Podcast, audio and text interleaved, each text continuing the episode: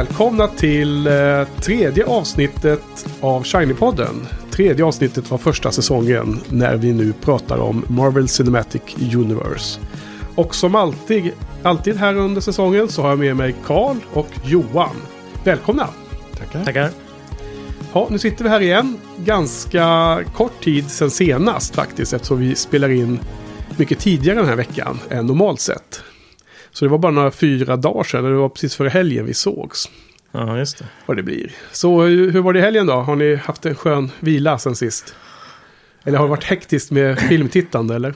Ja, jag lyckades dessutom klämma in en rewatch på Guardians of the Galaxy. Ja, Är du, det sant? du var på bio igen va? Japp, Du hade några, något annat gäng du gick med där. precis. Just det. Ja, Bättre eller sämre än första gången? Ehm, den var jättebra, helt plötsligt. nej.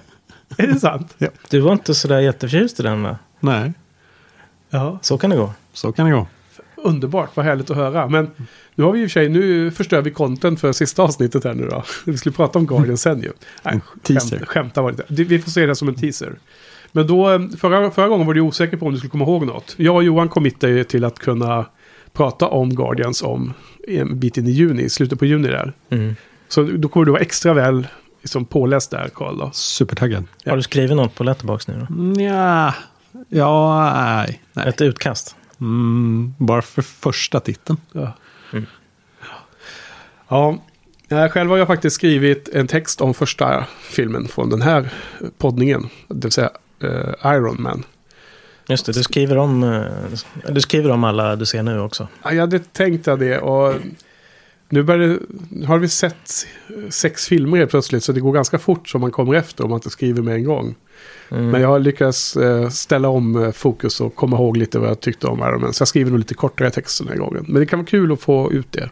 Ja, det kan det vara. Jag, när jag ser dem nu så kan jag tycka det är ganska skönt att då slippa inom citationstecken skriva texter. Hem, hemläxan. Ja, Ja. nu får man en annan typ av hemläxa att man ska prata om det istället. Ja, just det.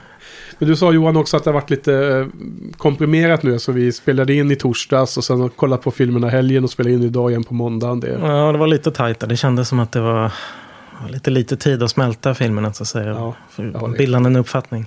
ja, jag håller helt med. Det blev helt rörigt. Jag såg faktiskt båda filmerna igår till exempel.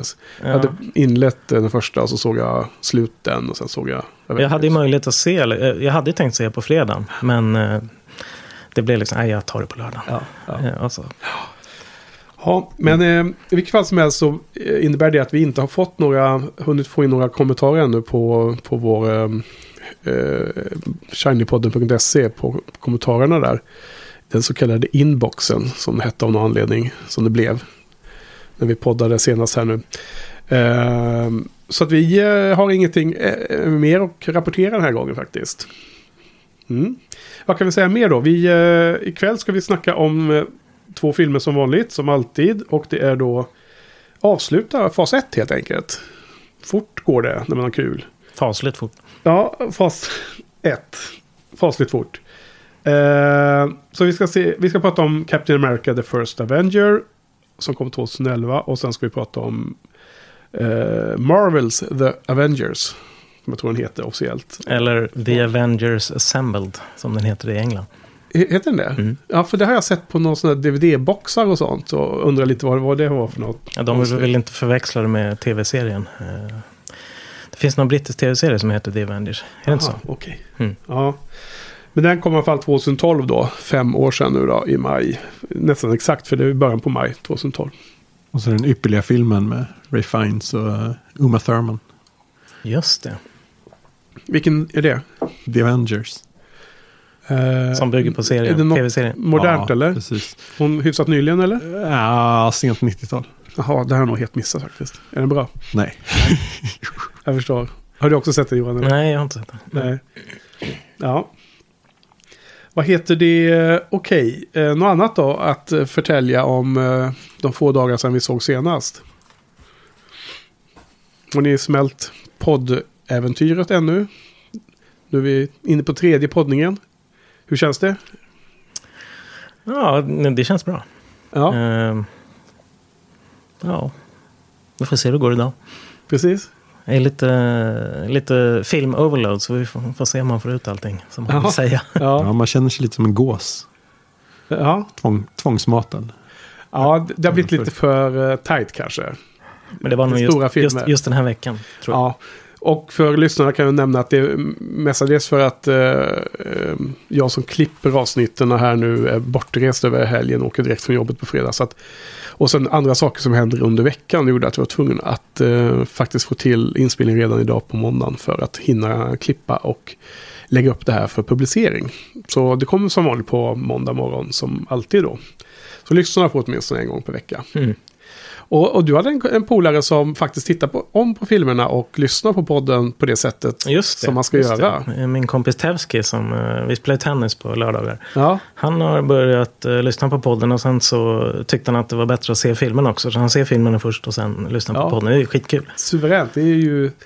Säkerligen får man mest eh, nöje av att höra de här lite mer eh, eh, eh, Eh, detaljer och små, de, små scener och sånt som man eh, pra, lätt pratar om om man nyligen har sett filmen. Men om någon inte har sett filmen på flera år så har de ingen chans att komma ihåg de detaljerna. Så det är säkerligen det klart bästa sättet om man ska njuta av podden. Helt rätt Mm. sätt att lyssna på. Ja, och du, du är ju nästan ett levande exempel på det. Du vet ju eh, hur du själv lyssnade lite på Buffy-podden innan du började titta på tv-serien. Och sen, Ja, jag var ju dum nog att lyssna på podden utan att ha sett serien överhuvudtaget. Men sen, och då tyckte jag väl, ja, det var väl inte så roligt det här kanske. Men sen så såg jag avsnitten och lyssnade då. Och då var det ju då blir det en annan grej. superbra. Ja, ja okej. Nej, men vad säger ni? Ska vi dra igång med första filmen? But you didn't answer my question. Do you want to kill Nazis? Is this a test? Yes. I don't want to kill anyone. I don't like bullies. I don't care where they're from. Well, there are already so many big men fighting this war. Maybe what we need now is a little guy. Huh? Första filmen för ikväll heter Captain America The First Avenger och kom ut då i maj 2011. Ska jag dubbelkolla så att det var rätt. Nej, den kom ut på sommaren 2011 i juli. Ja, big deal, men rätt ska vara rätt. Och det här är ju eh, ytterligare en origin-film eh, om eh, Captain America. Eh, Steve, vad heter han då? Steve... eh, Rogers. Steve Rogers, ja precis. Och det är eh, under andra världskriget. Eh, Steve och hans kompis Bucky ska in i militären. Men Steve är ju en liten tanig typ. Och sjuklig sådan.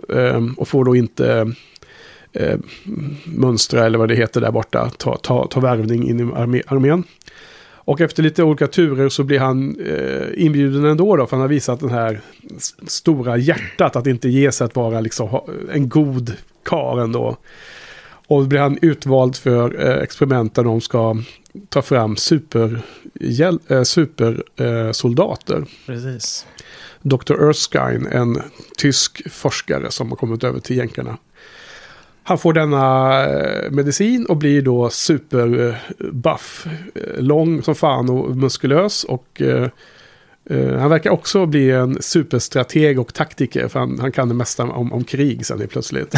Eller hur Johan? Ja, han, han är ju duktig. Mm. Eh, sen är frågan om han var det redan innan. Det är lite svårt att säga. Ja. Och sen så är det då hans eh, äventyr under andra världskriget kan man säga som filmen handlar om. Eh, för de som, som vill dras till minnes av vad som händer. De fightas ju mot Dr. Erskines tidigare kollega kan man säga. Som är en sån här Big Bad som i Marvel-världen heter Red Skull. Johan Schmidt heter han väl som. Okej, det är namn, namn. Ja. Som då har också tagit ett sånt här eh, kur av den här supermedicinen. Men när den, innan den var färdig då så han har blivit lite så här. få- Fått några, lite biverkningar. Det är hudproblem. Ja, ehm, så han har ju då, och allt det här, eh, eh, vad som också egentligen är väldigt spännande ur hela filmserien skulle är ju att det är ju där och då som den här Hydra startas och eh, han verkar vara en tidig föregångare inom Hydra. Eventuellt den som startar här, det är, det är lite oklart. Har, har ni koll på det eller? Han är en av de tidiga cheferna i alla fall. Ja, vet du Carl? Nej, jag vet inte, men man får ju helt klart den känslan. Ja. Eh, så, vissa saker, det här med att klippa av ett huvud och två kommer till. Det, det känns som att de liksom säljer in det för första rundan. Liksom. Det, det är inte som att det har funnits länge sedan tidigare och att alla vet om det.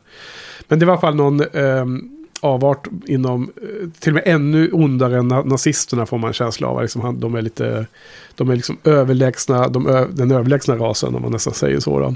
Och, eh, så att inte ens liksom eh, de här SS-folket som kommer dit och ska försöka hunsa dem duger i deras ögon. De, de är ännu mer über.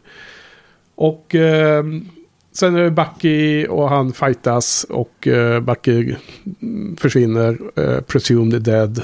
Eh, och eh, Captain America måste rädda New York och Boston och Chicago allihopa i slutet. Eh, och kraschar med det här flygplanet i Arktis någonstans. Arktis ja. Och dyker upp sen i Hulken. Ja. I is, under I, isen I där. det här extra, extra materialet. Men ändå inte. Ja. Nej, ändå De är inte. inte förenliga med, med Det är. Hulken igen som inte hänger ihop med resten. Precis. Mm. Eh, varför är det inte förenligt? För han är ju i det här pla- Ja, ja han planet. ligger ju i planet, det ser man ju tydligt där. Alltså, ja, exakt, så det, det var inte alls eh, solid. Nej. Nej, men det var en liten halvt svamlig eh, synopsis. Det, det är mycket som händer i den här filmen. Det är ju... ehm, det är ganska mycket också att det är den här brittiska Agent Carter som, som tror på honom många gånger om. Eh, och eh, de bygger ju en relation där och det finns en eh, spirande kärleksrelation också mellan Steve och henne då, och Peggy heter hon va? Mm. Och eh, ja, men det är väl ungefär det som, som finns med där. Ehm, och inte att förglömma Expo eh, och Howard Stark har en jättestor roll i den här filmen. Som du hade koll på förra veckan, eh, Carl. Exakt. Ja, och det hade jag inte koll alls på. Så det var jättekul när man satt och såg den där filmen. Och jag, ja, det är det här Carl pratade om. Kände du också lite Ja, så? ja, absolut. Och att han var med så mycket. Ja, Howard. ja. Ja, så nu är jag klar med synopsis här nu då. Vad, vad tycker ni? Vad säger ni om den här filmen? Någon som vill börja? Ehm, Carl kan börja. Ja, generellt så tycker jag att den är... Alltså, första gången jag såg den tyckte jag att den var stentråkig. Men nu, en bit senare, så känns den härligt eh, uppfriskande med en någorlunda hjältemodig hjälte. Han är, han är bara osjälvisk och vill hjälpa folk. Ja, Tony Starks motsats. Ja, man har ju sett så otroligt många, antingen då en eh, douchey narcissist eller någon sorts eh, sådär brodande eh, läderlapp kanske. ja. Som eh, massa antihjältar på olika sätt. Och här har man en som eh, bara vill hjälpa till. Mm, och, och det tyckte du var himla tråkigt då, första gången? Jag blev inte lika berörd som, som nu kanske. Nej. Och varför, vad var det för skillnad då? Hade du koll på det?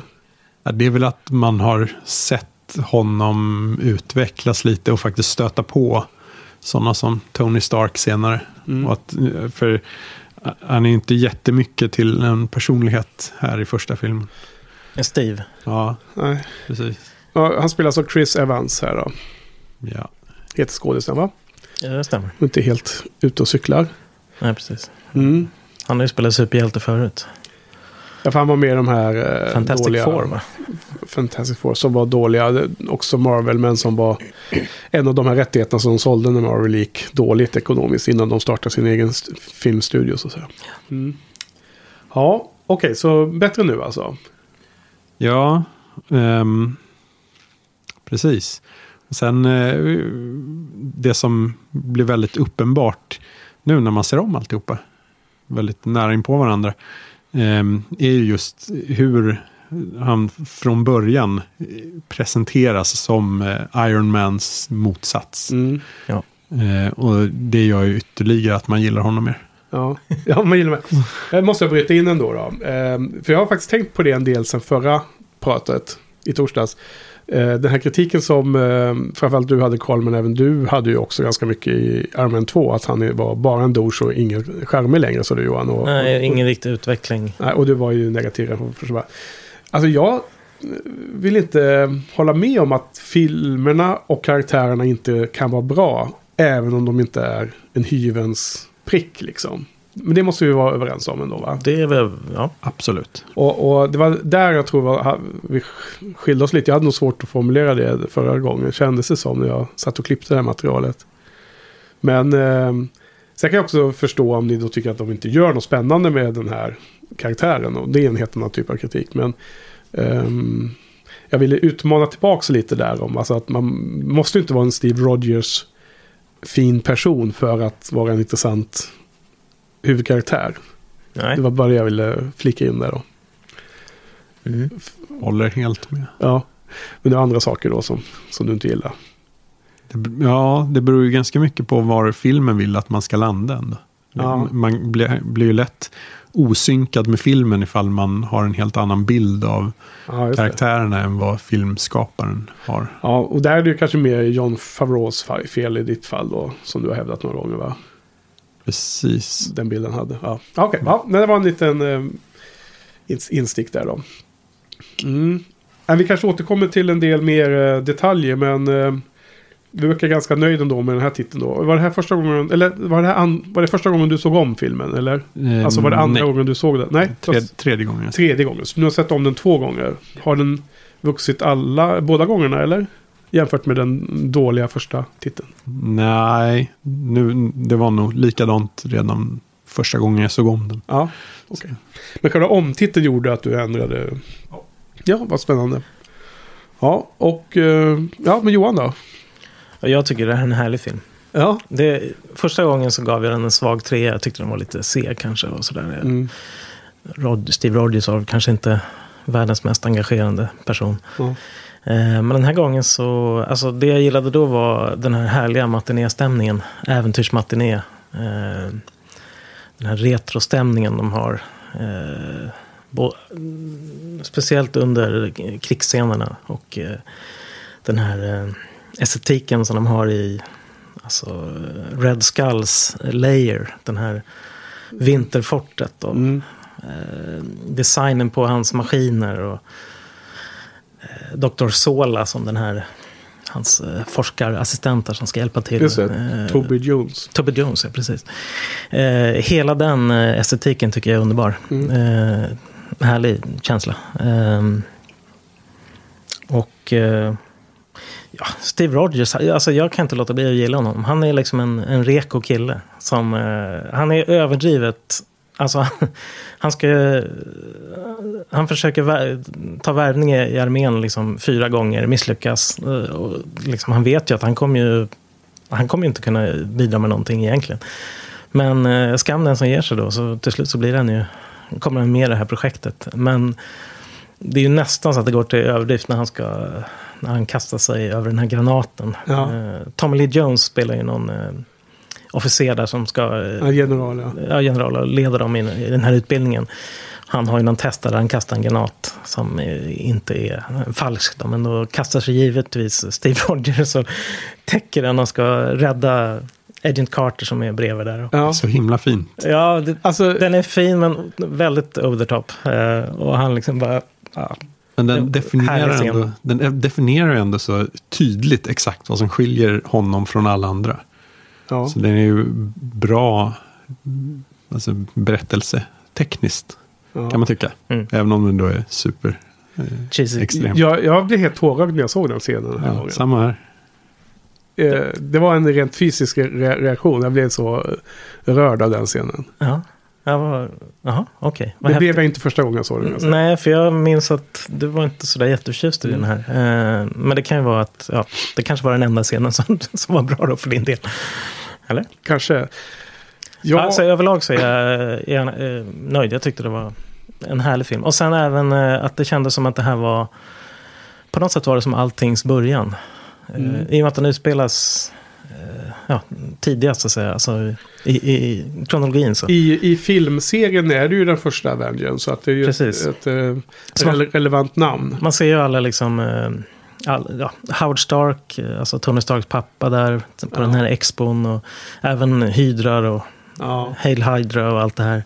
Så det, det var kul att se de här ursprunget på något sätt. starten. Ja. Och, eh, man, man pratar om eh, det som Bruce Banner gjorde sen var också liksom fortsättning på samma serieförsök. Liksom. Exakt. Eh, och allting hänger ihop på det sättet där då. Så det är intressant. Ehm, det stod ju dock eh, någonstans, jag, jag kollade efter lite så här eh, kuriosa info då, att den heter First Avenger stämmer inte alls med serietidningsvärlden. För där finns andra eh, sådana här folk som är med i The Avengers som var före Captain America. Så då, då stämmer inte det. Men Ja. jag, jag, jag, tror att de har döpt den till det här eftersom att av de som är i filmerna, filmerna så är han först. Även om jag tror att Ant-Man var med bland de som var före i, i serietidningsvärlden. Så att det är väl inte helt. Ant-Mans Ett. pappa kanske. I filmen. oklart. tänker sig. Om, om Ant-Man och Ant-Mans pappa är samma, vet inte. Eller vänta, Ant-Mans pappa. Jag tänker på Ja. den här Michael Douglas. Och, ja. Men, eh, men... ehm, eh, Vad tyckte du då Henke? Jo, det är lustigt att jag hade, hade ju då, eh, om man nu ska undvika att hålla folk på sträckbänken, jag hade en väldigt liknande upplevelse som Carl faktiskt beskrev. För att när jag såg den här filmen eh, innan The Avengers eh, så såg jag i kapp, för då hade jag bara sett några få eh, av de här tidigare fem. Jag såg bland annat den här och Thor såg jag väldigt kort tid in, inför att vi skulle gå och se Avengers. För den var jag helt hypad inför Ja. då, då var det fortfarande så att jag var, såg de här filmerna helt utan kontext. Helt utan att de hade en sammanhang med varandra. Och man såg dem bara som helt enskilda entiteter. Och jag tyckte ju att den var otroligt dålig. Så att jag gav den 1 av 5. Och jag läste min text häromdagen. Och jag liksom ryser nästan av pinsamhet om man jämför med hur jag tycker om filmen nu. För att jag är verkligen liksom kritisk och verkligen så otroligt eh, uttråkad och irriterad på filmen. Och det är väl nästan som att texten är ironisk istället. Jag, jag skriver att jag undrar hur den där lilla spinkiga snubben så snabbt kunde träna upp sig och sådär liksom. Så jag får ju till och med nå, nå, något svar med någon då som förklarar att det var CGI och sånt där, att det var specialeffekter. Eh, men det var liksom eh, lite ironiskt skrivet då liksom för att eh, låtsas inte förstå hur den här eh, Chris Evans kunde bli så biffig snabbt. Så jag gav den 1 av 5 och förstod ingenting. Tyckte inte någonting var bra. Och sen så ser jag filmen nu och eh, tycker att den är störtskön. Alltså det är ju otroligt bra intro av Captain America. Givet att man har sett honom i, i fyra andra filmer då. Två andra Captain America och två andra Avengers-filmer. Ja. Så att eh, helt plötsligt så är det ju, hänger allting ihop. Eh, Man får hela den här kontinuitetsbiten som du beskrev Johan. Ehm, Ehm, jag kan nog vara ganska uttråkad mot en sån där karaktär som, som, som du tyckte var skönt att, Carl, som du tyckte var skönt att få som kontrast mot Tony Stark. Men när jag ser redan i Avengers och sen framförallt i de framtida filmerna hur hans bana är när han går ifrån att kanske vara en soldat som alltid bara säger exakt ja, liksom bara gör exakt som en eh, chefen säger eller en officerare säger till att bli en egen eh, person i senare filmerna utan att avslöja, utan att spoila då exakt vad som händer i framtiden så tycker jag att det här blir, får en helt annan mm, liksom depth, den här titeln då. då. Så jag var jättenöjd. Jag, jag tyckte att filmen är otroligt bra. Fan vad kul. Verkligen. Eh, sen, sen är det ju fram till ungefär halva filmen då när... ehm, eller lite till och med, alltså den, den är så stark som första 45 minuterna tror jag det var om jag kommer ihåg rätt. För det är någonstans när han väl blir Captain America och de börjar med att han ska vara en sån här dancing monkey som man kallar sig själva. Pajas. Pajas på scen där och de gör liksom, eh, de ska sälja eh, sådana här bonds, vad det nu heter på svenska. War, war, ja. Ehm, Man ska krigs- investera i aktier för... obli- obligationer heter det på svenska va? Ja, det gör det nog. Ja. Ehm, från, där, där blir det ganska, där, där tycker jag filmen tappar ganska mycket tempo. Och sen så går de rakt över till att han, han springer omkring med sin eh, icke-magiska sköld som ändå verkar vara väldigt effektiv. Mm. Och anfaller den här, eh, i och för sig då som håller med, ganska häftiga Villains Lair där. Eh, Det är som ett svagare parti. Och det lustiga är att minnet kan ju spela en spratt väldigt mycket. Eh, som jag kommer ihåg det så var det slutscenen i hela filmen. Det är när han kommer in där och eh, The Red Skull eh, spränger hela sin, sitt ställe. Eh, och han, han ska rädda Bucky och de andra. Det, Ja, när jag det. såg det, det har gått halva filmen. Jag tänkte, men Ja. vänta nu, filmen är ju slut nu. Ja. Så att minnet har verkligen lekt med mig. Så, så andra halvan av filmen hade jag liksom ännu sämre koll på. Liksom, det var liksom helt nytt för mig. Liksom. Så jag, jag, då brukar det ofta vara så att om man inte kommer ihåg det så brukar det vara att det inte var speciellt minnesvärt då. Men Ja, det är på något sätt att den gången jag såg det så var jag så eh, otunad med den här världen och den här typen av historia. Så att, så vi pratade lite om förra gången, jag försökte formulera förra gången att det är som det är en, en, en förvriden värld, det är en serietidningsvärld det här, där liksom sådana här saker kan ske. Men om man ser den här typ, de här, alla de här filmerna i det perspektivet så, så är det en intern logik som man kan leva med liksom. Men skulle man blanda det här saker som sker i de här filmerna med en helt vanlig dramafilm som inte, som inte har den minsta magi eller några over 9000 element alls då skulle det klascha för mycket mot varandra. Och har jag sett filmen en gång, min egen spekulation blir alltså att har man sett den då och har liksom gått in med en sån förväntan eller en sån liksom eh, för, bild på, på näthinnan när man ska se de här filmerna, då, då, då funkar det ju inte riktigt som i huvudet. Då faller det inte på en god mark. Men nu så var jag jätte, jättenöjd, måste jag säga. Det är, det är överraskande att det blev så. En, en detalj som jag gillade det var ju det här att de började med, lite som på, i, i Thor, där de började med en kort sekvens som utspelar sig nutid. Ja, just det. När man hittar eh, Captain America och det här planet. Och, Ja, och, och sen blir man ju då indragen och nyfiken. Vaha, vad ledde fram till det här? Vad var det som hände? Och då hoppar Ja. man tillbaka liksom i, till 40-talet då, och får se vad som, vad som egentligen hände. Så det är smart upplagt. Ja, Ja. Och, och precis just hur det betalar sig i slutscenen tycker jag är eh, i, extremt bra. Eh, hur det funkar. vilket eh, då? När han sitter och pratar med Peggy på... Ja, På radion, är det- strax, det är den strax innan. För eh, han jagar ju efter Red Skull Ja. in i det där planet på den vänster. Mm. Och så fightas de lite. Han hoppar väl in i, i hjulen, alltså där Ja, hjulen det. åker in. Ja. Precis.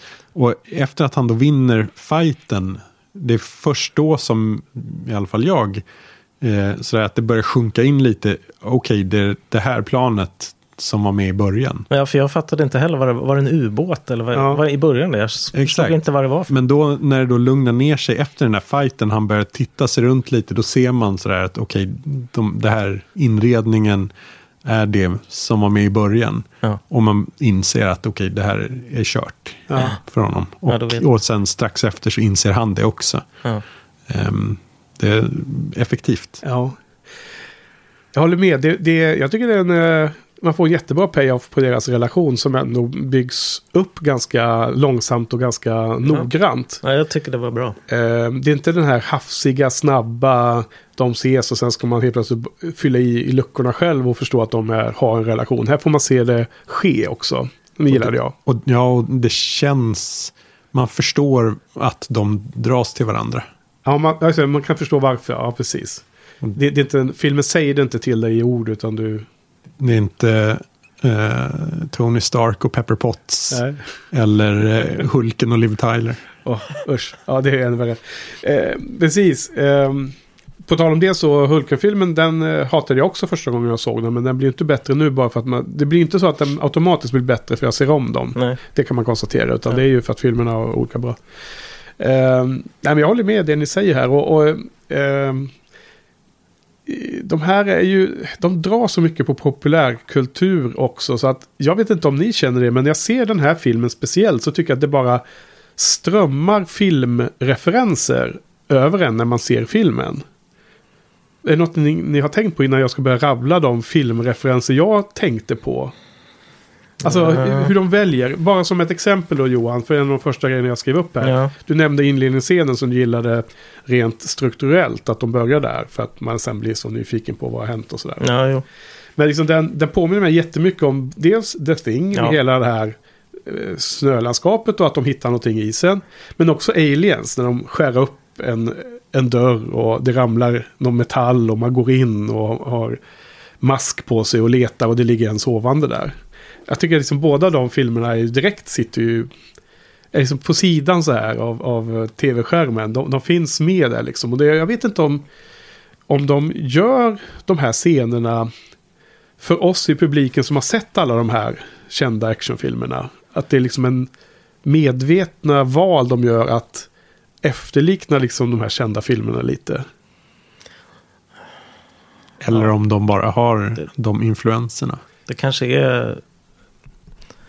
Ja, det, kan, det kanske är en generell sak. Alltså det att det, det är inte specifikt uttänkt så, men att det faller ut så att det här passar in att göra på det här sättet. Det, det är liksom som, det kan vara som att om man spelar gitarriff så kan man till slut inte förnya sig hur mycket som helst och så blir det likt ACDC till slut hur man än gör. Men, eh, men jag hade ju önskat att det var så att det var filmmakarnas sätt att göra hom- hommage till viktiga ref, eh, favorit Men ja, eh, koncept. Samma sak med- där i slutet när han pratar med Peggy på radion. Så är det ju väldigt liknande inledningsscenen i den här gamla klassiska Powell and Pressburger-filmen A Matter of Life and Death. Ja, men det är säkert en referens. Eh, som jag tycker Men är en minst- fantastiskt bra ja. film. Det är ingen Damm, dammigt, dammigt i rummet. Jag kommer inte ihåg om det var sådana scener i den filmen. Den är i och för sig väldigt romantisk men, eh, men det är ju en krigsfilm. Mm. Eh, sen var det säkert mer som jag har någonstans men som jag nu har glömt av då. då. Eh, ja. är det inte för övrigt en explicit referens till Indiana Jones? ja, men det har jag också skrivit någonstans nu när du säger det. Ja, vilket var det du tänkte på? Att eh, Schmidt klagar på att fyren är och gräver efter Ja. trinkets i öknen. Just det, det har jag skrivit upp här någonstans i mina osorterade. letar han riktiga föremål uppe i Norge. Ja, det måste vara första indiefilmen där med, med, med Afrika. Ja. Det tänkte jag också. Eller antingen är det den filmen eller så är det något som man, eh, finns i historiken att, att Hitler under andra världskriget hade sådana riktiga aktiviteter för sig. Att det är, då man, det är det man hänvisar till. Men det är inget jag känner till i alla fall. Nej, det skulle ju passa väldigt väl med att eh, hänvisa till arken. Ja. ja, det är roligare att hänvisa till en eh, Steven Spielberg-film där också. Håller med. Jo, en annan sak. Eh, Den här fasen när eh, Captain America har samlat ihop det här gänget med soldater. Någon fransman och någon med någon sån här plommonstopp. Plommon, vad det nu heter. Och, Stop, ja. Ja. ja, och de här snubbarna. Och Så Det, här, det här vanliga gänget som Ja. ska vara med.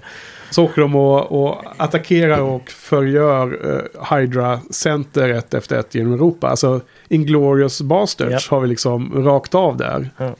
Eh, Men när kom den då? Inglourious- Tarantino-filmen. Jo, men när- när den har kom kommit före den här va? Ja, kom nog ganska samtidigt. Kanske. Ja. Ja. ja, men de påminner om varandra. Det gör Eller just i den aspekten. En annan. Eh, I, i eh, också andra halvan av filmen, den här som jag helt hade glömt av, eh, 100%. När de väl har kommit fram till att det är ett ställe som eh, Red Skull är kvar. Det är det här eh, svåråtkomliga i något berg där. Snöfortet eller vad man ska kalla det. Ja, och Bergs- där, där han har det här sitt flygplan som han sen åker iväg med. Ja. Då, då åker de i motorcykel av, något, av någon anledning i skogen. Och så är det en scen som är jättelik eh, Episod 6, Star Wars, med, på, på Endor. Med, Evok- när de har fighten. De flyger så här motorcykel i luften. Ja, och de spänner upp en lina där. Ja, och de åker det. mellan träden. Och så. Ja. Det är precis samma... Det är nästan samma rörelsemönster om man nu skulle detaljstudera. Det är det säkert inte. Men det kändes nästan så. Det kommer två på sidan och åker på någon annan stig som tydligen finns där mitt i urskogen. Och så de här nallarna som dyker upp också. Ja, ja, inte i det här fallet. Men, men det var ju som en tydlig, tycker jag, filmisk, liksom det var, det var som små, små delar som de hade lyft in. Och sen kommer det här med att han, när väl är framme så kör, åker han ju och hoppar in med motorcykeln in i en, eh, insidan av en stor port. Det finns några ramper på sidan. Så, Ja. så här. Då, är det, då är det precis samma typ av scen som är i The Road Warrior. Det kommer en motorcyklist och hoppar in. Okej. In i det där fortet som eh, de här eh, eh, vita, de vitklädda snälla personerna i Ja. Road Warrior, de som Mad Max kommer och hjälper. Jag tänkte lite på The Great Escape också. Steve McQueen Ja, när han hoppar. Fast hoppar han, ut. eller- han, ja, han, det bara ett staket ja, fast han fastnar i, Ja, i taggtråden dessutom. i det fallet. Nej, så det finns lite olika. Ja. Okej, nej men eh, vad, vad roligt. Alla gillar den här filmen. Mm. En annan film som jag tänkte på, eh, det är, alltså, alltså i känsla och stil, är ju den här, eh, vad heter den? Sky Captain and the World of Tomorrow. Jaha. Har, ni, har ni sett den? Nej. Nej. Det är med Jude Law och, vad heter hon? Gamla Tomb Raider. Angelina Jolie tror jag är med också. Jaha. Men det är en film i precis samma stil. Eh, utspelas på, under andra världskriget och det är amerikanerna i krig mot terrorist, äh, terrorister, nazister. Mm. Eh, och den är, den är ju känd för att den är helt gjord liksom i så här CGI-miljö. Tråkigt. Ja, för det, de försöker få till den här matiné-känslan. Och, Ja. alltså, äventyrsmatiné liksom. Men eh, den blir ju kall och alltså, steril känns det som. Okej. Eh, jag har aldrig den varit på- speciellt sugen på den och du gör inte jättebra jobb på att sälja in den. Nej, nej, nej, precis. Men den, ah, den, Den är, påminner lite va? Den påminner i känslan. Jag tänkte på det ganska mycket. Ja. Jag tror den kom 2006 eller sånt där. Så den, de hade väl lite sämre teknik. ja, vi glömde ju säga vem som hade gjort den här då. Ja, Joe Johnston va? Eller? Hette? Joe Johnston, ja. Vad har han gjort tidigare? Jumanji. Eh, han har gjort Jurassic Park 3. Juhu. Han har gjort The Rocketeer, Mm. October Sky, Rocketeer är lite samma. The, The Wolfman. Älskling, jag krympte barnen. Ja, det är, så det är ännu äldre här ja. Det är inga Eh, givna referenser. Även Ja. October Sky är småmysig. Men den är drama och biografisk. Så det är, lite det är den med stans. Jake Gyllenhaal va? Ja. Som försöker göra raketer eller något sånt. Ja, precis. Ja. Men, men eh, Rocketeer är ju lite samma retro-känsla som, som den här. Är, är den bra då? Jag, jag har inte sett den tror jag, men eh, jag vet att den har Mm. lite så här cyber, eller vad heter det, steampunk-känsla. Okej. Ehm, det var intressant att jag såg på IMDBs trivia-avdelning som kan vara kul att titta på sådana här lite kändare filmer. Att de här, det här stora flygplanet och även den här eh, helikopterliknande historien som han fly, flydde iväg med. I tidigare filmer så, så övergav ju Red Skull Toby Jones-karaktären som fick ta marschan. Flög han iväg i något som såg ut som en helikopter. En tidig version på en helikopter. Och sen det här stora flygplanet med alla bomberna i som åkte i slutet. Eh, det var de enda två flygfarkoster jag såg i den här filmen. Det stod omnämnt om två flygfarkoster med namn som jag då eh, antar var de här två. Eh, och de var alltså tagna från riktiga ritningar som, som man hade mm, tagit då från tyskarna. Från andra världskriget-tiden. Så Ah. de höll på med massa olika... De, de, Okej, det var Alltså, inte överdrivet. Nej, de såg ut så. Det, det, de skulle I varje fall på ritbordet. Jag menar, de hade olika, eh, du vet, eh, interkontinentala robotar och allt möjligt liksom. Och tidigt ute med ubåtar och allt vad det. Så att de hade väl massor med olika spår som de försökte eh, ta fram. Men, eh, så det var lite kul tycker jag. Hmm. Mm. Ehm, Okej. Var det eh, lite generellt? Vad, har ni några mer eh, spaningar på filmen? Ja, om man ska gå in på det där med Expo. Mm, det Just vi, det, för det var det du teasade om förra veckan. Vi skulle ju komma ihåg detta. Nu, nu Ja. gjorde vi det. det. Det var alltså så att du sa förra veckan att Expo i Iron Man 2 var en fin vinkling mot eh, den här filmen. Och absolut, för här fick vi se den första Expon som vi fick se en svartvit Super 8-film ifrån i Iron Man 2, va? Så tolkar jag det. Ja, oklart om det är samma, men ja. Ja. Motsvarande. Jag tror, jag tror den Super 8-filmen så var han lite äldre va? Eh, Kan vara, så det Ja, kanske ja, var någon emellan då. Ja. De hade flera, okej, ja. Men ehm, det jag sa förra gången var väl att, där, att, att Tony Starks Expo var en eh, väldig spegling mot eh, Captain America då. ja. Och Hur menar du då? då tänkte inte jag främst just på eh, pappa Starks Expo. Som i och för sig är fint eftersom eh, när Steve Rogers besöker det så zonar han ut ganska snabbt och blir mer intresserad av någon rekryteringsposter och Ja. sticker iväg till rekryteringscentret. Ehm, men när han väl blir Captain America och de inte vill sabba hans DNA utan spara honom så får han bli sin lilla dansande apa. Ja. Ehm, Så han får gå upp på scenen och spexa ungefär som Tony Aha, Stark det, var själv den, gör. det var den eh, kopplingen du gjorde. Och Ja, men den var snygg. Ja. efter att ha förförts lite hastigt av den där uppmärksamheten så tröttnar han ju och tycker att det är fullkomligt meningslöst. Ja. För han vill ut och göra nytta istället. Ja. Och där är ju alltså, direkta motsatsen mot, mot Iron Man, Tony Stark. Som då utför lite hjältedåd för att få gå upp på scenen. Ja, fast där, där har vi helt olika åsikter. Det, nu, nu måste jag eh, igen ta, ta ställning här. För, först så, så tyckte jag att det var orimligt länge som, som han här, Captain America, var i den rollen. Jag förstår att det var en, det var en sekvens man ville ha för att få den, den liksom kontrasten mot att han verkligen gjorde skillnad sen då. då. Men jag liksom tyckte att det var allting som var i början när han var liten och han blev, han var så eh, genuint, han hade ett genuint driv att kunna hjälpa till i krigsinsatsen till att bli den här dansande apan. Det kändes för att det var ett långt steg att han skulle inte liksom sparka bakut tidigare. Men skitsamma då att det var lite för långt. Det är väl en petitess kanske. Men att, att eh, jag håller inte med att, det är en direkt eh, tvärtom mot Tony Stark. För jag vill nog hävda att, att ehm, Stark gör de här grejerna av, av leda, av, av, av mer eller mindre nöd tvung- tvungen. Mer än att han är, drivs till att få stå på scen med cheerleaders. Jag tror att han, han hatar de situationerna. Liksom, jag tror att den där, den där partiet som vi pratade om förra veckan, det var liksom... Det är ju det är liksom en, en slags resultat av att, att han inte... Uh, han, gör, han, han gör ju sådär, han har ju så extremt destruktivt beteende där när han tror att han ska dö alldeles strax. Det är inte som att det är det som är hans dröm, att han ska få en, en fest där han ska supa ner sig och bli till allmänt åtlöje liksom. Så jag, jag, jag ser inte alls den där kopplingen som du sammanfattar där Karl. Mm. Förstår ni tankebanan? Ja, Alltså jag förstår ju vad Carl menar. att eh, För Tony Stark är det...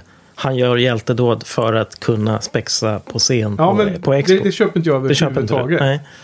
Utan han, han i sin roll, det är liksom som att han är... Igen om man jämför med The Social Network, alltså med Zu- Zuckerberg som känns som en personlighetstyp som helst vill sitta och ut, eh, uppfinna nya features på sin Facebook. Men också ibland måste gå upp och göra företagsgig. För att representera sitt företag. Mm. Så tror jag att det är samma sak med Tony Stark. Och sen tror jag att det blev i sin... eh, I, i, i, drog till sin extrem under förra filmen för att han gick emot sin död där. Mm. Och att det var liksom... Alltså en kraschande person som blir mer och mer eh, svart i, i sinnet liksom för att man ska dö snart. Det var väl så jag tolkar det. Men mm. Det är väl lite skillnad. Jag menar, Tony Stark har ju sitt företag. Eh, Steve Rogers, han vill ju vara soldat. Så, så han har ju på något sätt mer anledning att... Det är ganska naturligt för honom att inte vilja spexa och vara pajas. Eh, Medan Tony Stark, jag menar, det är väl ganska normalt att man uppträder på en, en företagsexpo och visar sina nya produkter. Mm, ja, fast jag, jag tycker det är intressant att du så tydligt har eh, tolkat Karl då, eh, att du så tydligt har tolkat att Tony Stark lever för den sidan av honom som jag ser det som är någon slags hans ansikte utåt som han antagligen inte vill ha egentligen. Och det är det som är intressant att det här faktiskt, man tolkar det så olika här. Så är det, Ja, jag, jag har nog inte känt att han typ hatar eh, de här tillställningarna. Det, det har, den känslan har jag inte fått. Att han inte vill göra det. Det är som att han gör det ironiskt. Han gör det... Eh, Mm. han, han, han behandlar inte situationen seriöst. Mm. Eh, som Hammer hade gjort. Om han Ja. hade, hade fått chansen så hade han gått in i det och tyckt att nu, nu är det hans tid att få visa hur bra han är. Ja. Här känns det som att Tony Stark är ju den här som har varit son till världens kändaste industriman under hela sitt liv Ja. och vux- vuxen med det. men jag menar, det är intressant. Den här diskussionen är ju nästan det viktigaste som är nu i fas 1. För att i slutet av nuvarande film vi pratar om, Captain America, så offrar ju sig Steve Rogers för, för USA eller för världen eller för läsarna, tittarna. Och han kraschar, sen dör han inte, men han tror ju att han ska dö. Ja. Samma sak gör ju eh, Tony Stark i nästa film.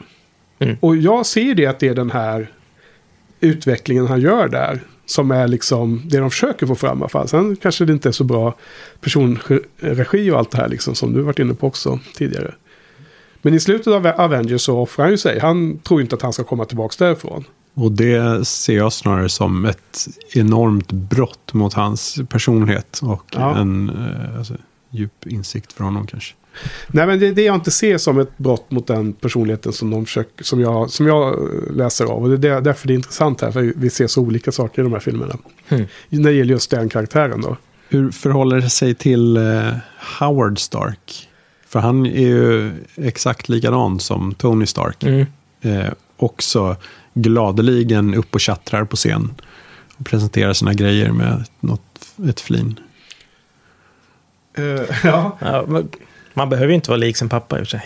Nej, Men eh, så att... eh, Ja, jag Men- tycker att... Ja, eller det, det, alltså det var ju lite... Säg, det, säg du först. Ja, det var, jag tyckte väl man fick lite för lite inblick i hur, hur han tyckte och tänkte. Han var mera som en, en, liksom en cool bifigur som, ja ah, just det, det är Tony Starks pappa, vad häftigt. Han verkar, han verkar cool, liksom, och visar upp flygande bilar och kan eh, vara pilot och, och sådär. Eh, så jag, vet inte, det, han kändes som en bifigur. Jag visste inte tillräckligt mycket om honom för att kunna dra några men Slutsatser. ändå ehm, blir det ganska viktigt.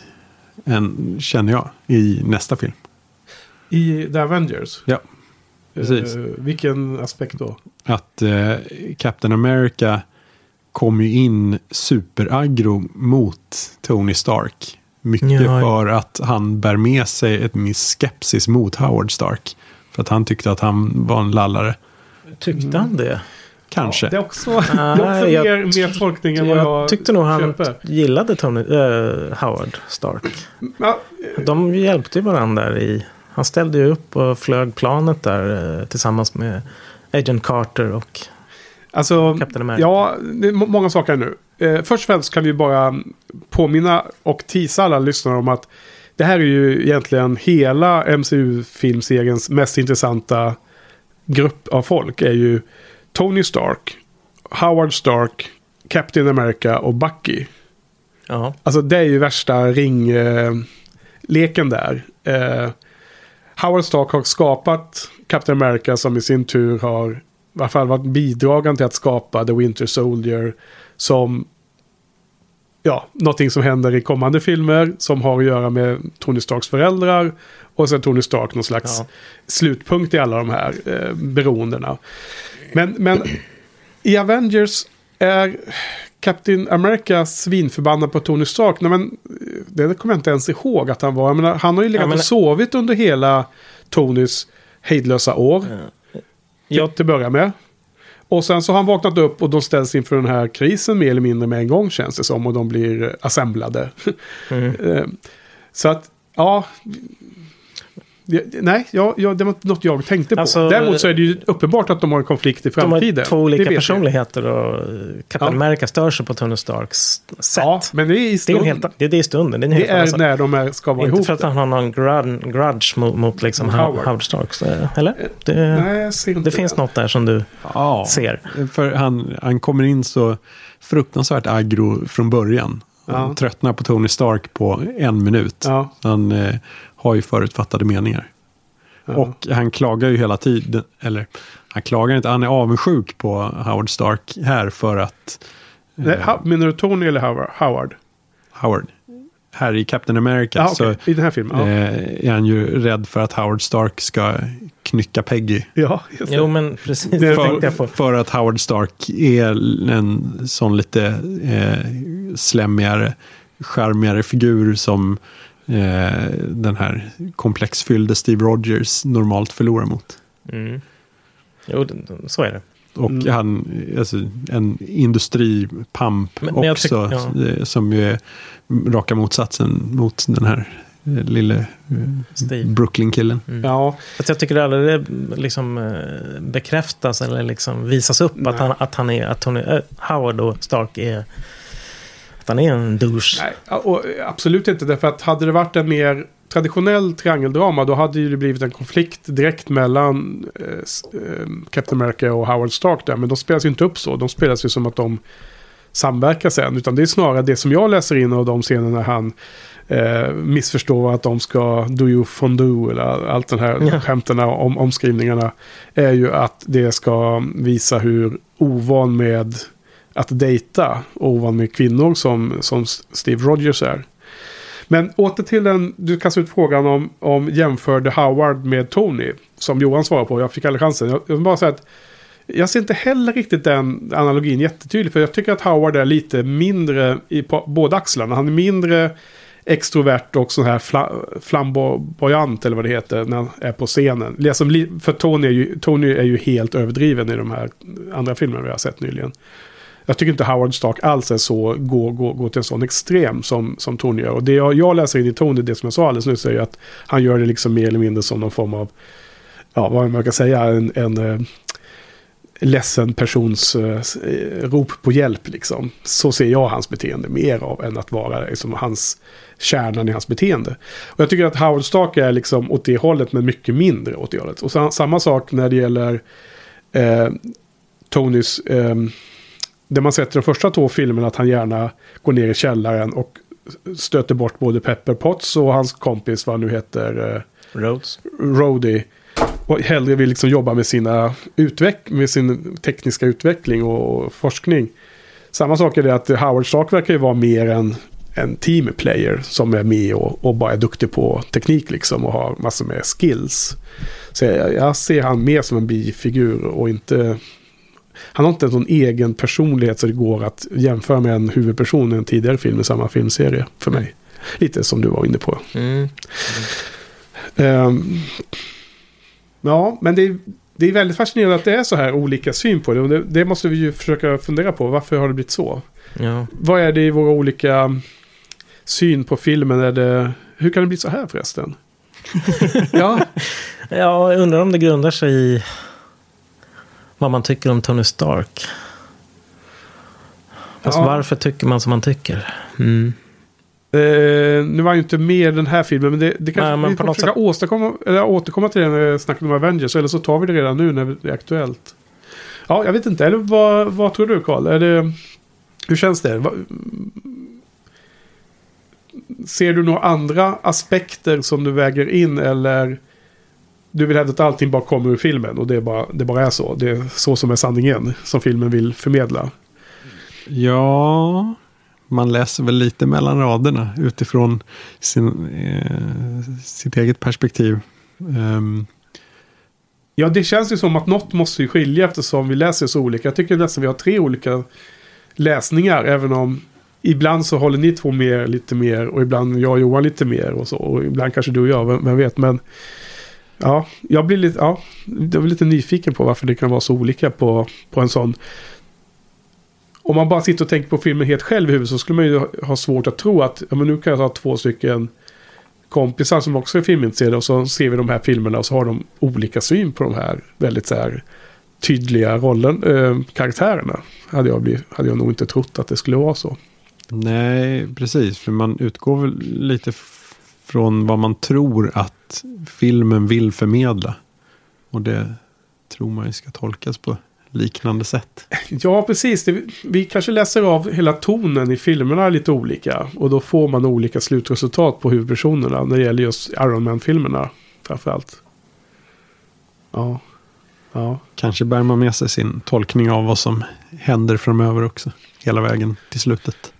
Ja, framförallt i att jag gillar eh, Steve Rogers så mycket nu eh, beror ju absolut på att jag har sett honom i andra filmer. Det är jag helt övertygad om. Mm. För jag skrev ju det i min första text att han var så himla dålig skådis. Äh, inte dålig men att han var så tråkig i den här rollen. Men det, så ser jag inte alls ut. Nu ser man istället ett eh, frö som kommer växa till de här intressanta eh, andra filmerna som, som man ändå kan sympatisera med honom väldigt mycket. Mm. Ja, ja, nej, det kanske inte kommer längre där. Men det är intressant för att eh, det här är nog en större skillnad på en, en väldigt specifik karaktär än vad jag och Johan hade under Buffy-podden Resan hela vägen nästan. Mm. Det kunde vara liksom olika starka känslor på många karaktärer. Men det var inte så här att det verkligen gick liksom ortogonalt helt olika håll. Så ofta. Mm. Jag, jag, är nog lite på on the fence som man brukar säga. Ja, liksom, sånt betyder? Ja, att jag balanserar uppe på ett staket och det gäller vilken sida jag ska falla ner på när det ja. gäller Tony Stark. Vad jag tycker om honom. Om jag gillar honom eller inte. Jag är lite kluven där. Jag vet inte riktigt vad jag tycker och hur jag ska tolka hans beteende. Som ni ja. har, har liksom fått era åsikter ja. klara. Jag är fortfarande lite... Ja. Mm. Det närmaste vi nog skulle kunna ha här är nästan egentligen hur man behandlar Spike i Buffy-serien. Som är en på pappret vidrig person. Först är han ju en big bad och sen är han ju en mördare och sadist. Och sen är han ju, helt plötsligt är han ju allas eh, älskling. Mm. och någonstans där svänger man över. Uh, och jag tror att det pendlade ganska hejvilt vem av oss, jag och Johan, som hade mest problem med den resan. Men det känns som ett närmast jämförbart. Mm. Sådär liksom hur man tolkar olika faktiskt. Det är väldigt intressant. Men, det, ja, men då, då, får vi väl eh, får vi vårda den, eh, den frågeställningen i framtida diskussioner om kommande filmer också. Då. Egentligen är det ju så otroligt tråkigt om alla tycker precis lika om allting. Så här är det bara bra. Det här ska vi inte... Det här ska vi vårda. Det här ska vi inte sopa under mattan på något sätt. Uh... En annan viktig bit ja. uh, är ju Steve Rogers eh, övertygelse från början att han inte vill gå med för att eh, döda nassar utan eh, för att han ogillar översittare. Han vill ja. bara hjälpa till och säger vid något tillfälle att det här handlar inte om honom, han vill ju bara hjälpa andra och så vidare. Men sen när Bucky väl stryker med så eh, uttrycker han ju explicit att han vill döda varenda Hydra-medlem. Ja. Så helt plötsligt blir det superpersonligt för honom mm. när, det, när det rör Bucky. Ja. Så faller hans eh, goda ideal lite grann. Men, men, och då, det känns ju ändå ganska bra va? Eller? Det känns ju eh, supertragiskt förstås. Ja. Han har ju, alltså, hans inställning från början är ju så fin. Ja. att, att det inte handlar om honom. Att personliga jo. vendetter är, är på något sätt underställda men, ja. allas väl. Men, men det är ja, precis. Jag tror det hade att göra lite med att han anklagar sig själv också där. För Backes död. Så det blir... Ja, men det gör Absolut. han då också. Och det tar ju Peggy ur honom han måste ju vara, ge Bucky cred att Bucky har gjort sina mm. val. men ändå inte, mm. för han, han bär väl med sig just det där. Ja. Alltså, det, det, är nog absolut för att han eh, skyller på sig själv för det känner sig skyldig. Ja. Att det är därför det faktiskt sätter sig. Ja, precis. Så sent som i Civil War så gör han ju massor med grejer som fortfarande för han ska liksom betala tillbaka sin skuld till Bucky. Det ska bli väldigt intressant att se Bucky och Ja, Winter Soldier. Winter Soldier, eh, nästa liksom hur, ja. hur det där tas upp. Det alltså, jag ser också fram emot det Johan, för att jag har ju liksom förträngt andra halvan av den här filmen. Så jag, hade ju, jag har verkligen inte kommit ihåg att de hade att det var de två som Nej. var på härja här. Ja, liksom uh, den här uh, Barnes, Sergeant Barnes. Ja. Och, och så kallar honom Bucky och säger, ja men vänta nu, det är, ja. ju, det är ju Winter Soldier. Ja, och lyckligtvis är det samma skål i så fall. Ja, det ja. var det. Nej, men jag tycker också att det är jättebra jag har nog redan faktiskt, om jag ska följa mina anteckningar, redan använt den, den dialogen som intro till det här snacket, Karl. Just när han säger why, why me och eh, fråga, frågas ju. Och det här med att han inte gillar bull, bull, bullies. Eh, jag tycker också det är väldigt fin sentens, men jag drar inte likhetstecken med den fina tanken med att han som karaktär behöver ha den för att kunna vara en bra karaktär i mina ögon. Det är ju snarare när han är konfliktfylld och får ett mörker i sig från den den här fina tanken som det blir intressant för mig tycker jag. Det kanske du också tycker, men jag vill bara ändå säga, redovisa hur jag ser på det. Ja, det som jag tycker är så uppfriskande med honom är ju att han saknar det. Ja, Att han har eh, rena avsikter. Men sen som alla andra i det här MCU-universat eh, så ser han ju bara våldsamma lösningar. Han, är, Ja. han ser ju att, att bli soldat är Jo. sättet att hjälpa världen. Och Ja. Det är samma. precis. Tony Stark var ju åtminstone tveksam en halv film innan han verkligen blev ett vapen. Men här är det ju, här är hans själva huvudmål att bli ett vapen. Mm. Captain America, trots att han är den fina av dem. Fast eh, Tony Stark säger ju i nästa film att we're not soldiers. Mm, nej, precis. Han är också... Men han är den ultimata eh, individualisten. Eh, Tony Stark medan Captain America startar som den ultimata teamplayern. Mm. Det är därför det är så intressant senare i den här filmserien när de switchar eh, perspektiv. Eh, ja, nej men bra. Mer Karl. Du har intressanta... Du är ett flyt här nu. Intressanta frågeställningar. Ta något mer därifrån. Dina anteckningar där. Ja, jag har inga mer intressanta frågeställningar. Bara lite smågulligt hur hans sköld utvecklas. Ja. Från att eh, han plockar upp något soptunnelock Ja, i det är, gränden. det är ganska mysig den scenen när man ser honom första gången med Ja. till att sen stå bakom en taxidörr med en stjärna på. Ja, Och sen får han då sin riktiga sköld av Howard Stark. ja. Eh, andra små gulliga scener. Det är ju otroligt roligt det här. Eh, för det första då, alltså Agent Carter måste vi prata mycket mer om nu. Absolut. Jag blir så himla sugen på att se den här serien nu. Mm, eller hur? Ja. Det blir man ju. Ja, och eh, hon, hon är ju... Hailey Atwell heter ju skådespelaren då. Hey, Hailey, men det Är hon, är hon brittiska eller? Ja, det är Ja. oklart vet jag. Ja. Det går väl att prata brittiska ändå, men det Jo. kanske hon är. Eh, hon heter eh, eh, Hailey Atwell, men alla vi som har sett eh, Mozart in the Jungle vet ju att Hailey är ju Highlight. Det får, det får de som har sett den tv-serien ta den referensen. Hon är så himla härlig, jättesugen på att se det, men när ska man hinna det Johan? Det kommer vi inte hinna nu. Nej, det, Får man, får man ta efteråt. Nu har vi en lång vecka. Eh, Ja, vi har ju sig några fler dagar. Jag ska ju vara bortrest fyra dagar då, men... ehm, ska vi se nya Alien-filmen också. Eh, den jätteroliga scenen är ju när efter eh, Steve har blivit transformerad i den här eh, dykarklockan som han eh, sitter i. Och han kommit från en liten spenig kille till en stor jäkla muskulös och kommer ut då med bara överkropp såklart. När hon eh, nästan tar på hans bröstmuskler. Såg ni det eller? Nej, Ja, för den är nämligen inte i manus. Det är ju, det är ju hennes naturliga reaktion när hon såg, såg honom. Och de behöll, behöll det. Det står också på Trivian. På IMDB. Alltså hon, hon rycker ju till så här som att hon vill känna på dem. Och sen så drar hon tillbaka händerna ganska lustigt.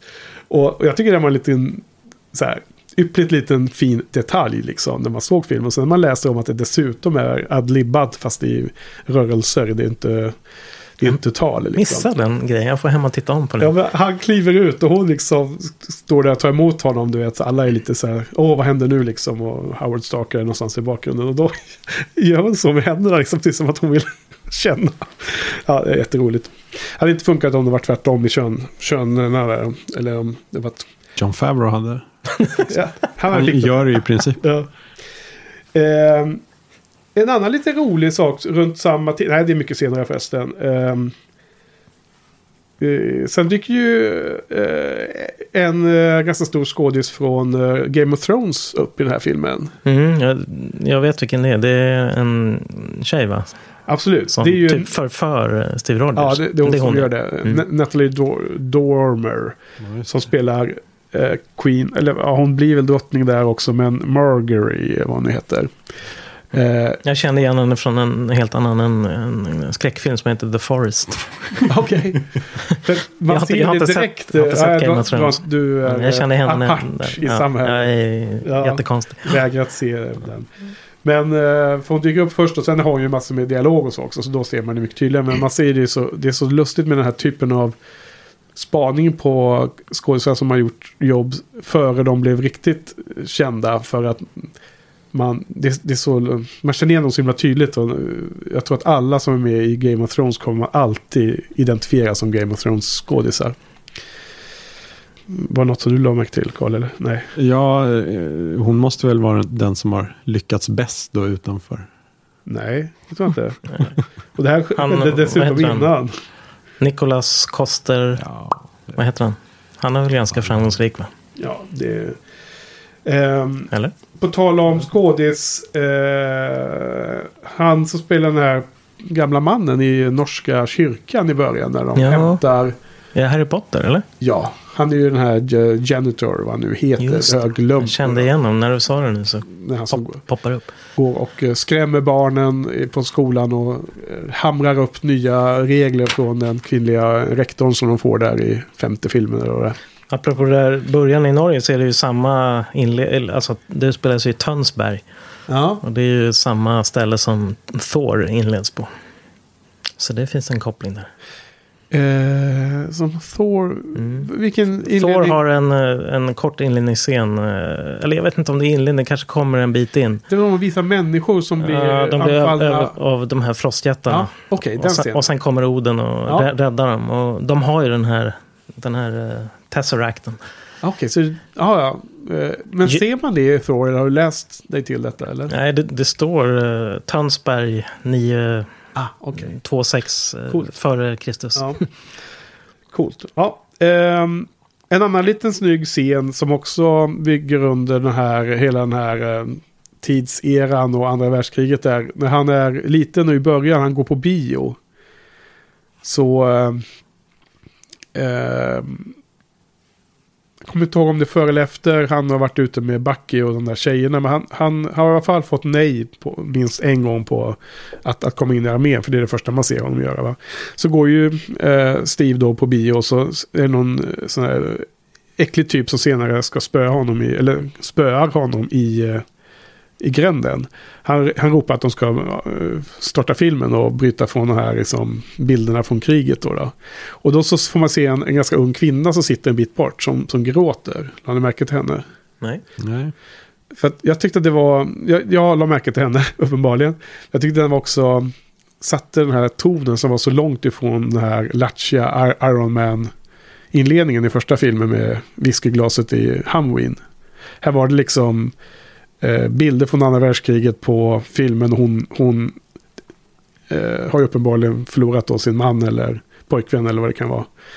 Eh, och det är så eh, i bakgrunden så att det, det är så fint gjort att det inte ska vara upp i fejan och visa titta här vilken känslosam film vi har gjort. Utan mm.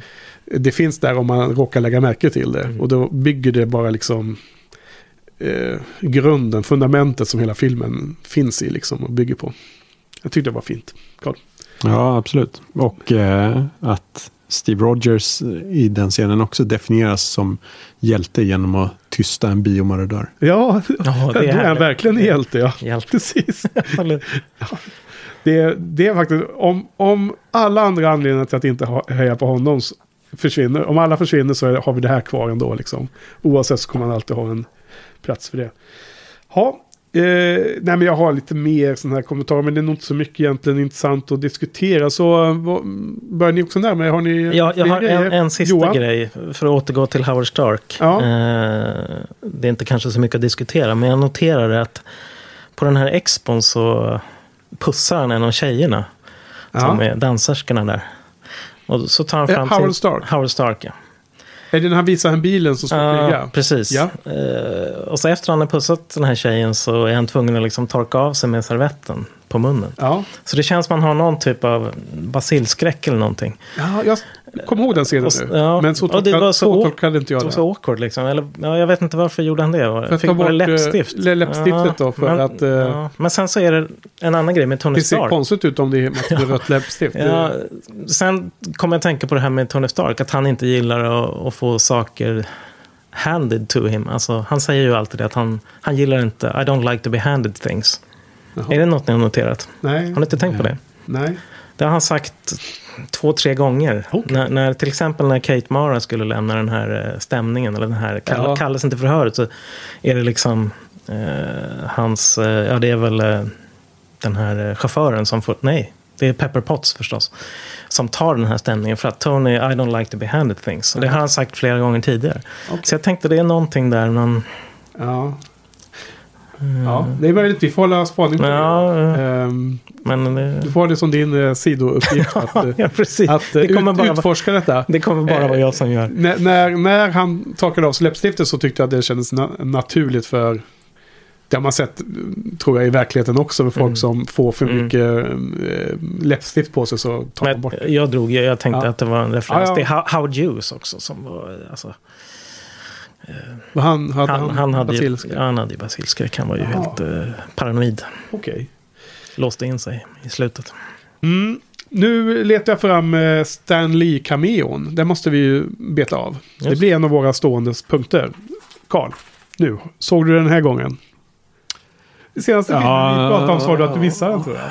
Mm, precis. Nja, eh, någon av dem. Um, jag har I, helt I, glömt I bort thought he would be bigger. Ja, det var, Taller. i, Taller. det var i den här scenen när Captain America skulle få medalj efter hans första insats. När han hade räddat alla eh, fångarna. Och jag tog det i Vita huset och då så dyker han inte upp där för då har han redan åkt tillbaka för att kriga mer. Och eh, då sitter det massor med generaler och sånt i eh, publiken där i, på, på gräsmattan framför Vita huset. Och där sitter Stanley och säger den här Ja, kommentaren. just det. Han är också med i en alternativ eh, borttagen scen. Alltså, är han? Ja, där eh, mm, Steve Rogers, efter att han har blivit uppväckt i nutiden, Okej. så går han ut på stan och bara känner sig vilsen. Och så Ja. sitter han på något café och så dyker det upp, eh, eh, det kanske är Avengers. Kanske. Nej, Ja. men det låter mer passande här i och för sig. Vad ah, nej, då? nej, det är Avengers. Men vad, Sorry. vad, vem dyker upp då? Men det är lika illa där. Ehm, ja, det är en servitris där som snackar lite med honom. Och som sen eh, blir räddad. Så det är definitivt i Avengers. Ah, Okej, okej.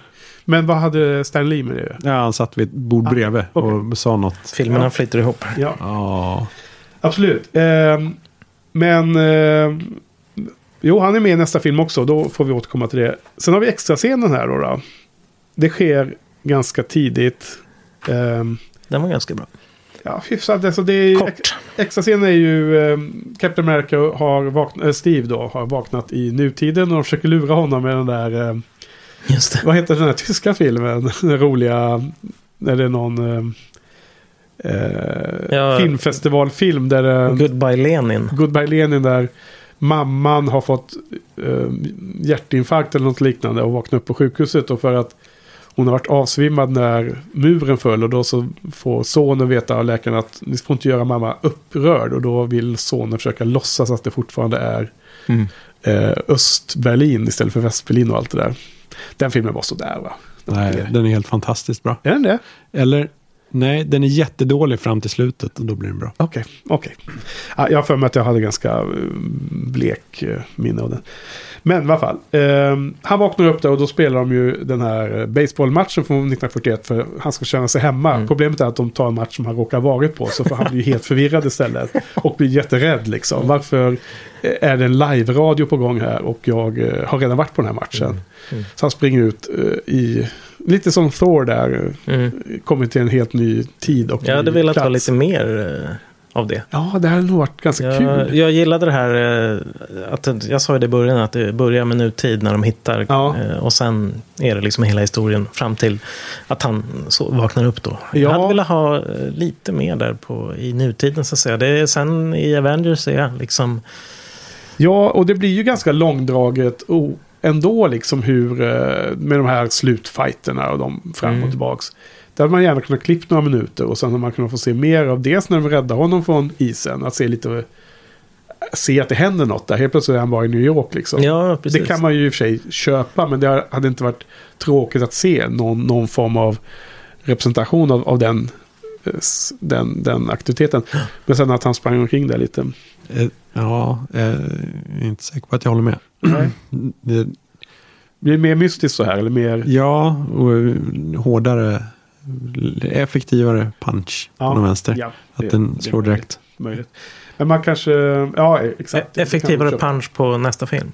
Ja, som sån här slutscen. Eh, att, och, eh, man skulle inte ha kunnat ha tillräckligt mycket och, för att det skulle ha, ha någon, vara någon nytta. Och då kanske man istället skulle dra undan lite av de eh, känslomässiga bitarna. Det dramat i att hela hans krasch där på slutet och sådär. Kanske skulle tappa lite effekt ifall det blev mer än bara den här Mm. snabba, förvirrande, korta scenen. Mm, mm, mm. Jo, jag tror nog att du, du, du har nog rätt där. Det jag köper. Det är väl bara för att ja, det var en bra scen och då tror man att eh, eftersom den var bra så borde det varit mer av det. Ja, Så tror man att då Ja, det- fortsätter det vara bra. det men då, då kan det trubbas av. Och där har man ju som sagt den där extra scenen i The Avengers. Då man får följa honom lite mer, bara gå runt och vara förvirrad ute i stan. Som de klippte. För att den in, nog inte gav sig himla mycket. nej. Eh, Men här var fall extra scenen att han står och boxas i någon boxningshall och så kommer ju Nick Fury och pratar med honom. Mm. Det är ofta Nick Fury som kommer. Ja. Och vad är det han säger här? Han, han vill väl samla ihop dem va? Eller vad är det han säger? Eh, Det är någonting. Du måste komma hit nu, eh, soldaten. Ungefär. I have a, do you have a mission? Ja, ja men det, det Fråga. är det va? Mm. Och sen klipper de, det jag såg var så klipper det direkt in i någon form av teaser till The Avengers. Ja, det var ju värdelöst tyckte jag. Med så snabba klipp Var det verkligen så på bio? Att de körde som en trailer för, för Avengers? i, i eftertexten. Ja, det var inte bra tyckte jag. Är det på DVDn också? Nej. Alltså direkt efter den klippen när de har dialog mellan Nick Fury och honom så klipps det till någon... I, på någon Blu-ray så är det liksom... Den version jag såg så var det så. Var det liksom en liten eh, sorts trailer för Ja. Avengers. Det var det inte på min version. Kändes inte så bra. Mm. Nej, det låter vill man inte se. Ja, okej. Men jag börjar känna mig redo, mm, klar. Um, nej, så jag har verkligen jackat upp den här filmen rejält. Den är ju... ehm, ja, det är, den är riktigt, riktigt bra. Jag skulle vilja säga eh, att den har vuxit till en fyra för mig. Den, är, den har kommit upp över fyran. Den är, det är inte en stark fyra. Så här. Det finns ganska mycket kvar att jobba på inom fyrans eh, range. Men den är helt klart starkare än eh, en stark trea om man säger så som är nästa steg neråt. Så att det, är, det är den för mig. Vad säger du Johan? Eh, jag trodde jag skulle, definitivt skulle ha bättre betyg på det här än vad du hade. I och med att du hade en etta första Ja. gången. Men äh, det är ju en, det är en stark trea för mig. Det är liksom Tre och en en, halv. en bra, ja, tre och en halv. Ja. Precis, tre och en halv.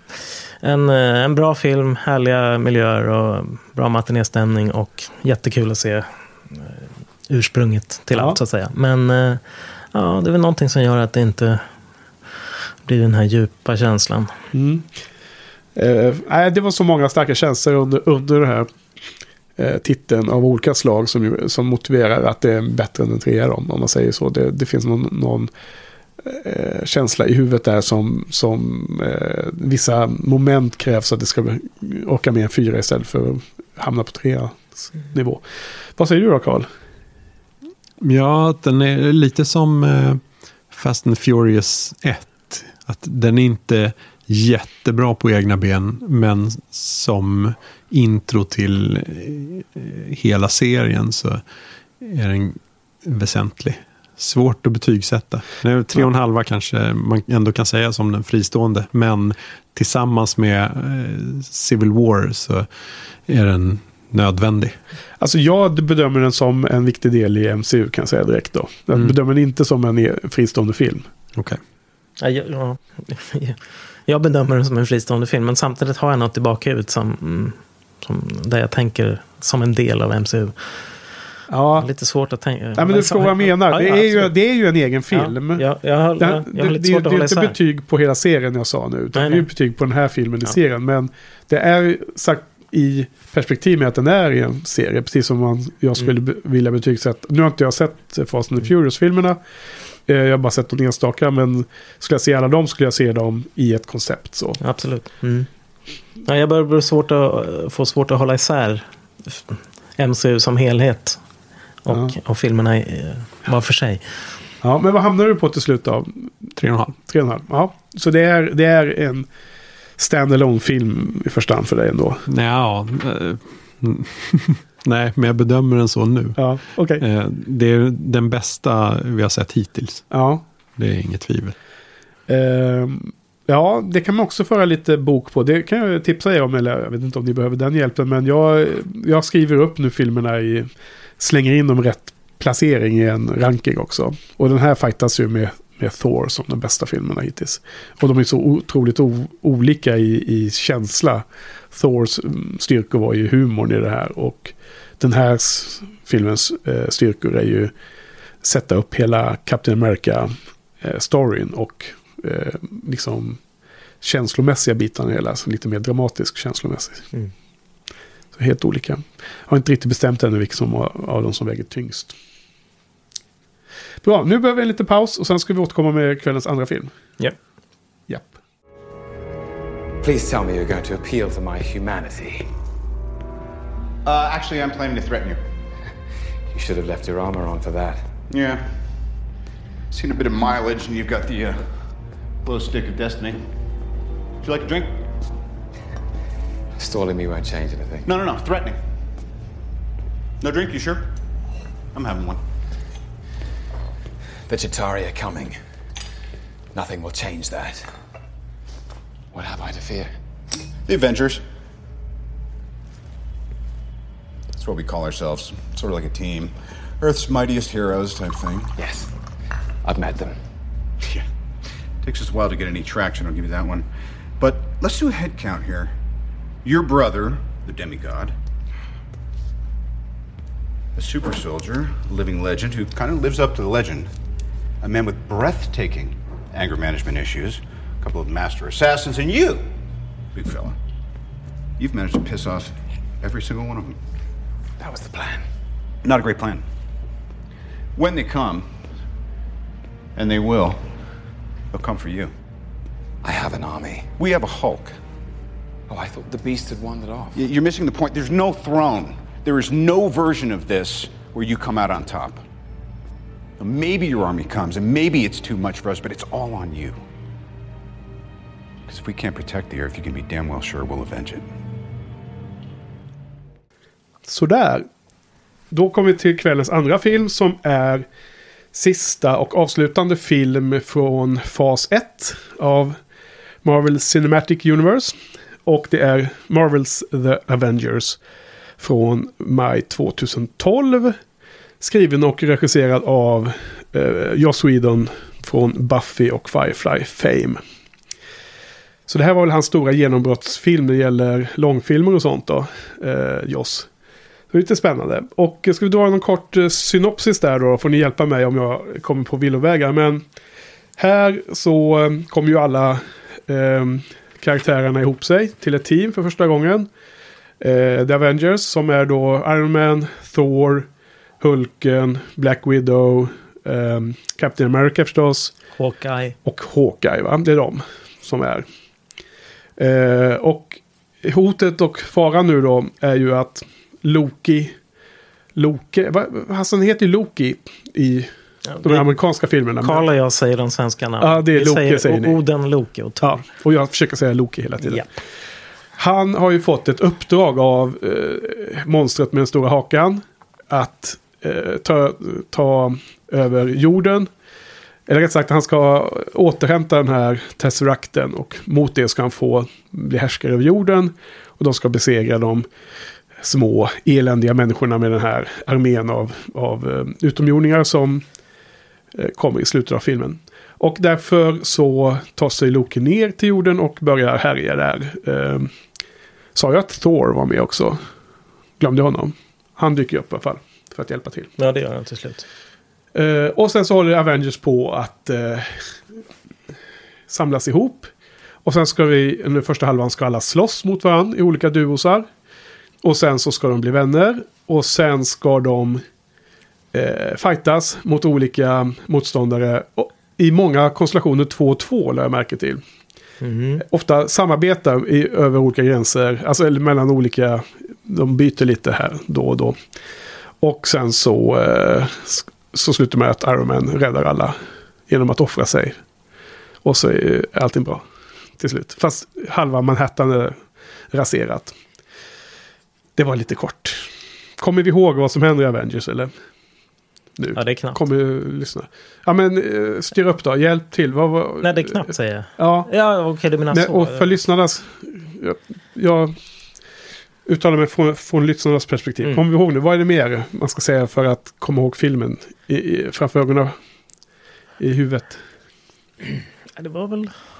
Ja, det mest- täcker väl in allt. Nej, kanske. Ja.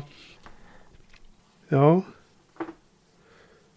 Okej, nu står jag och läser någon obegriplig eller note jag gjort här. Jag försöker lista ut vad jag själv tänkte. Mm. Okej, men vad, vad tycker vi om det här då? Lite allmänna tankar om filmen först. Ja. Eh, äh, ja, det är ju en charmig film, helt klart. Eh, det, är en he- det är en helt annan stämning, tycker jag, än eh, de andra filmerna har varit hittills. Ja, Man märker ju att det är Joss Whedons hand som är, har kommit in här, tycker jag. Det är, för min del är det ju lite väl mycket då den här självmedvetna humorn som kanske inte riktigt funkar för mig fullt ut. Ja, det, det är inte din favorit liksom? Nej, det är inte min favorit. Det, det bara är så. Liksom. Mm. Jag, jag, tycker det, jag tycker det är kul när jag ser det, men på något sätt varje gång det är sådana typer av skämt så blir det som att jag dras ut lite ur filmens verklighet. Okej. Och, och, Men är det liksom eh, metahumor och referenshumor eller? ja, ja, precis. Eh, nu har jag ingen bra exempel, men det, det är ju ganska fullplottrat med, med sådana. Ja. Eh, ja, eh, men alltså det är ju... eh, Jag gillar ju hur de har satt upp filmen, att den utspelas i ganska lång sekvens i det här luftskeppet de har. ja. Och det påminner mig om eh, alltså biblioteket i, i Buffy till exempel. Det, Ja. Man märker hur de har liksom skrivit handlingen för att de ska vara i, i den här luftskeppet och, och, och prata och liksom eh, gnabbas. Och Mm. Tony Stark och Captain America börjar gräla. Och, Bruce Banner och Tony Stark eh, håller på med att försöka hitta den här eh, Tesseracten. ja. Eh, ja, men Ja. Det, det är otroligt bra att man ges tid att ha sådana scener. mm, jag. Jag tror en sån här film, eh, om det bara skulle vara action, det, det blir liksom den här hjärndöda action som jag... Transformers-filmen där jag inte riktigt känner att det finns karaktärer att bry sig om. Utan det ska bara vara actionscener Ja. i mina ögon. Ja, men det stämmer ju. Och då, då har man liksom tappat lite av intresset runt det. Jag menar, igen så är det nästan inte action. Det är nästan så att actionscenerna är de som man önskar ska vara lite kortare. Här var det en ganska maffig slutfight.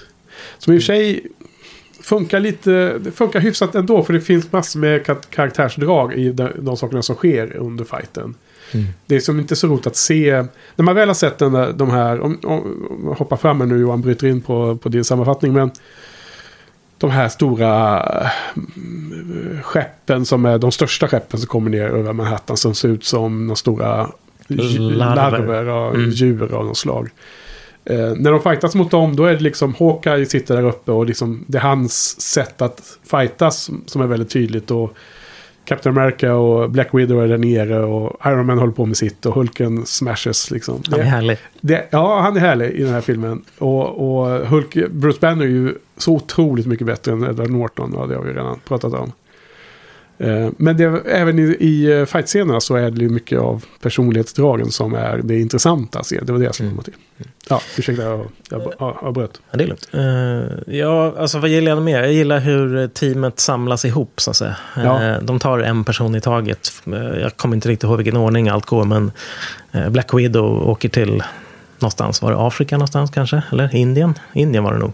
Ja. Ja. Indien, ja. Och, och hittar Bruce Banner där. En ganska bra scen också för övrigt. När, när eh, han ska eh, eh, joina teamet där.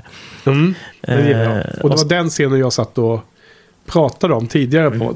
Precis. Undrar, han, han är någon skyffel, det var ju den scenen. De här- Vi kan väl återkomma till Hulken också. Ja. Eh, hur liksom, för det tänkte jag lite på, hur de hanterade honom och hur det stämde med de tidigare filmerna. Ja. Eller, Eller, ta det nu. Ja, vi kan ta det nu. Ja. Eh, nej, men det var ju det att eh, lät intressant. slutet på Incredible Hulk så Ja. har vi ju fått lära oss av Carl, och även mig då kanske, att han hade ju lärt sig då att kontrollera, att, att framkalla den här Hulken. Mm. eh, med någon sorts vilja på ett kontrollerat sätt. Men jag menar, i början av den här filmen så vill han ju absolut inte eh, framkalla Hulk. Han, han kan ju inte det alls.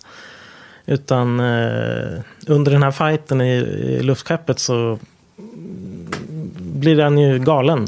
Liksom, och kan inte kontrollera någonting och faller till marken och träffar Harry Dean Stanton. Ja, Eh, lustigt nog ja. och sen eh, en stund senare så kommer han ju tillbaka i, i eh, den här slutfighten med en motorcykel. Och då plötsligt så är han, så kan han så att säga frammana den här Hulken eh, på ett kontrollerat sätt. Och jag förstod aldrig hur det gick till. Hur lärde han sig det? Är det en, det är en bortklippt eh, sekvens kanske där han... Nej. Nej. Nej, Ja, det finns en längre sekvens med Harry Dean Stan- Stanton. Mm, Där han bara ja, snackar lite och ger honom motorcykel. ja. Okej. Nej, men- men, Men det har inget med Nej, det men det har där. inte Nej. det med Johans fråga att göra. Jag tror Johan att han kan framkalla honom lika snabbt hela, under hela filmen. mm, Fast han vill inte framkalla honom i, rymd, eh, i det flygande skeppet. nej, Han, för, ga, han gav fartyget. Men Ja. han vill framkalla honom i, på Manhattan.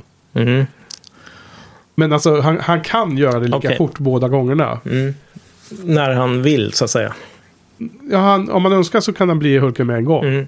Eh, det ser man ju i slutet av filmen. Och jag tror han, han, han vet ju att han kan, alltså han är ju inte kontroller, han kan inte styra sina egna ak, eh, aktioner lika kontrollerat. Så därför kan han ju inte göra det, ett flygande rymd, äh, flygande Nej, skepp. jag, eh, precis. Fast ja, i slutfighten... Han är ju så volatil fortfarande, om man säger så. Men alltså i slutfighten så tycker jag han, han, eh, han agerar ju på ett kontrollerat sätt. Han vet vilka som är skurkarna, han vet vilka han ska slåss mot, han vet att han ska rädda Iron Man. Ja, det Ja, är, precis. Så det är något där det, som skaver. är, jag tycker att det är inte helt solid. Nej. Eh, för han vet vilken sida han är på. Men ändå när han och Captain America har gjort någon duo-hjältegrej där. Och räddat någon, folk i någon bank. Så boxar han ju honom. Helt Eh, stenhårt sidan. Thor var det. Är det Tor? Ja, Okej, jag det är en underbar scen, men... eh, Den är rolig ja. Men den... Det, det är liksom som att han är lite så här random också i sitt han är lite beteende. random. Och så kan han ju prata också. Ja, två ord. Ja, Var det. Cunicles. Ja, precis. Den är ju den roligaste scenen då Ja. av alla. Härligt. Men det här var ju egentligen det som jag hade mest problem med eh, The Avengers första gången jag såg den. Och det här var nu tredje, minst tredje gången jag såg filmen. Det var just hur de hanterade det här med Hulken och liksom att det var så otydligt Mm. hur reglerna var runt Carl, hans. kan du förklara för oss? Ja, förklara det för oss ordentligt. hur, hur hänger det ihop logiken med, med Hulken? Ja, mer kanske att Edward Norton hade koll på det där medan eh, Joss Whedon sabbade.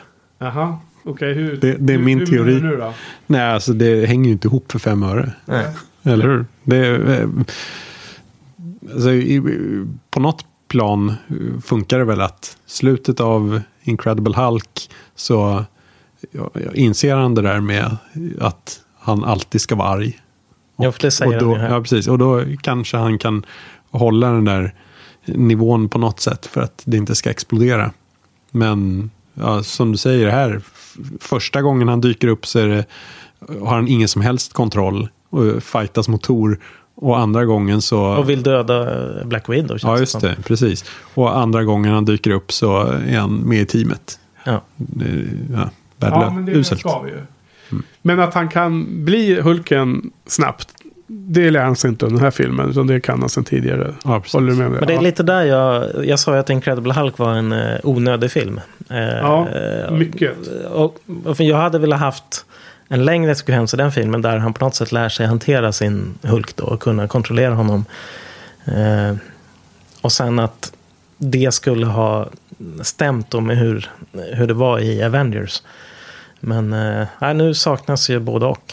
Jag känner mer att alltså, Incredible Hulk funkar för sig själv. Men eh, att de sen har i flera filmer efter Mm. Mhm. ansträngt sig för att skriva ut den ur historien. För att de inte gillar vad det blev. Mm. Precis, för Hulken, likt några andra av de här huvudpersonerna nu, försvinner successivt ut va? Ja, Hulken försvinner väl i... Ja. Efter Civil War var så, eller? Nej, jag tror att det är andra Avengers va? Ja, det är till och med så, ja. Men han kommer ju tillbaka nu i Tor. Gör det? Ragnarök. Mm, perfekt. eh, det var. Nej men nu, nu eh, okej. Nej men eh, allmänt, eh, vad tycker du då Karl? Eller just det, det var en utveckling. Vad, fortsätt Johan. Eh, ja, jag, kan, jag kan återkomma. Jag Ja. var väl klar så. Eh, jag har några mer kommentarer, men Carl kan sticka in med sina. Ja. Ja, mina övergripande. Eh, när jag såg den här på bio första gången så var, blev jag väldigt positivt överraskad. Ja. Och det var den första filmen som gick att se i 3D. Eh, Usel 3D. ja, Var men... på min visning. Okej. Ja. Ja. jag, jag blev positivt överraskad även om det. Jag tyckte att det funkade ju. Det var en rolig film, underhållande. Ehm, den här gången blev det inte riktigt samma upplevelse. Den är inte riktigt gjord för att ses på, på en tv. Nej. Ehm, rent visuellt så, även om många av effekterna håller så syns det att den är gjord för 3D ganska mycket. Och ganska dåligt gjord för 3D också. Eh, det är mycket Ja. som känns påklistrat. Ehm, många av de där hemska chitaurierna som flyger runt känns väldigt påklistrade mot bakgrunden. Okej. Ja. Det var Ehm, inget jag tänkte på jag när jag tänk- såg det på min plasmaskärm här. Tänkte inte på det heller faktiskt. Eh, sen eh, så ehm, redan från början så blir man ju misstänksam ehm, mot Joss Whedon. Ehm, när han öppnar på en scen där chitaurierna snackar uppe i rymden på någon liten meteorit. Ehm, det är motsatsen mot vad Kenneth Branagh gjorde med Tor. Då han insåg att det är nog säkrast att börja på jorden. Och sen börja med de spaciga grejerna. Här trodde man kanske att man var redo för de här eh, nonsensgrejerna. Men det var inte jag. Ehm, allt som har med de där rymdvarelserna är helt olidligt. Ja, men det är, väl- det är väl det det kommer vara mycket mer om när det gäller Infinity War sen va? Ja, det fruktar man ju.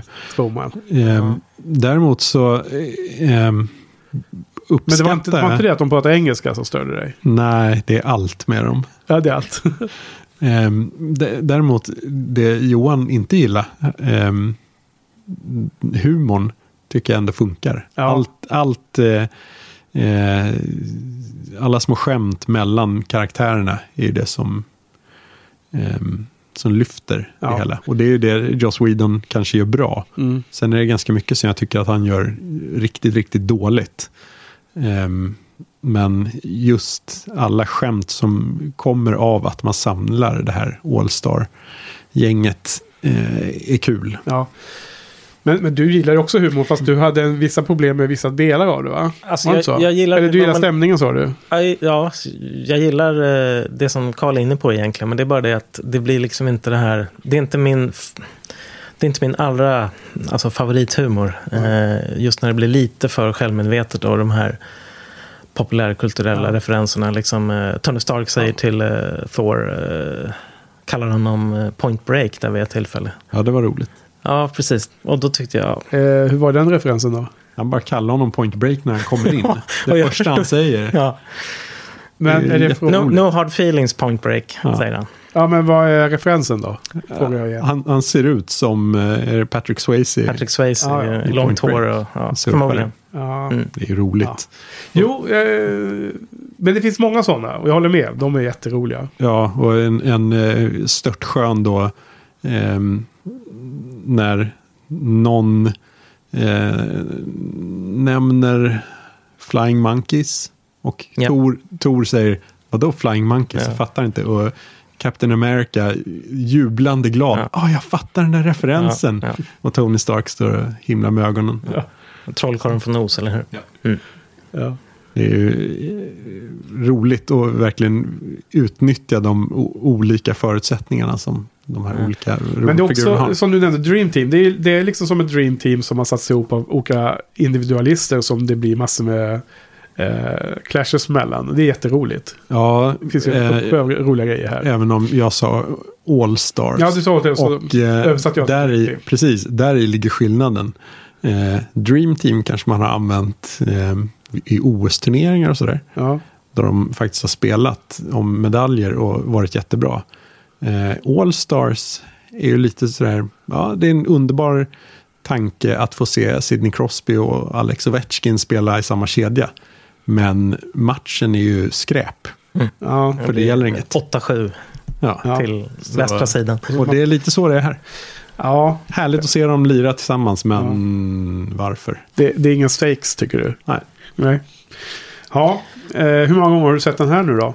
Nej det har bara andra. Eh, Ehm, om jag skulle säga då. Första gången jag såg filmen så tror jag att jag gav den fyra. Och det här är tredje gången tror jag. Om jag kommer ihåg rätt. För att sen när jag såg om den så tyckte jag att den var ännu bättre. Eh, som det ofta händer med favoritfilmer. Att man ser om en film och, och inte bryr sig så mycket om handlingen och inte hänger upp sig på vissa liksom plot holes eller vad det kan vara. Utan bara njuta av detaljerna i mycket av det som är genomarbetat med dialog och lustiga miner och små saker i omgivningen som man inte ser första gången. Så där, då höjdes det ju den filmen. Har ju varit en eh, riktig favoritfilm. Liksom typ 5 av 5 för mig om man säger så. Nu när jag såg den här gången så kände jag en viss eh, trötthet kanske över att ha sett den några gånger. Och att, eh, Mättnad. Så, ja, en lite mättnad så. Ja, bra, bra, bättre ord, ordval. Så att jag tycker fortfarande att den, den känns ju som den klart tyngsta och bästa filmen av de här sex faktiskt. Men det är ju, den har ramlat ner från fem. Jag tycker att den har eh, en annorlunda känsla, precis som du säger Johan. Jag tycker den har den här humorn, precis som du säger Karl. Så jag håller med er båda om dem. Välj ut de, de två sakerna från era eh, sammanfattningar. Och, ehm, eh, men sen gillar jag ju Joss Jaha. manus och hans eh, stil. Liksom, eh, det kan ju gå till överdrift kanske, men, men det är ju så. Man gillar den stilen och då blir ju väldigt mycket av, av, av det bildspråk eller om det är den känslan framför. Jag, som, jag ser mycket mer hjärta i den här än vissa av de andra filmerna. Faktiskt. Eh, jag menar, jag ser mycket mer hjärta i den här än i första Captain America, för den var mer dramatisk. Mm. Den försökte vara mer allvarlig och ha vissa roliga skämt inskjutna. Det här ja, jag har svårt att, att exemplifiera. Men en, en liten, den här scenen i Indien med den här flickan som kommer och lurar Banner. Jag tycker att den är så otroligt effektiv. Den har liksom en slags ehm, varm känsla i... Han, han, drar i rätt känslotrådar där Joss när, när eh, hennes desperation för att hon, hon ska få hjälp för sin döende far.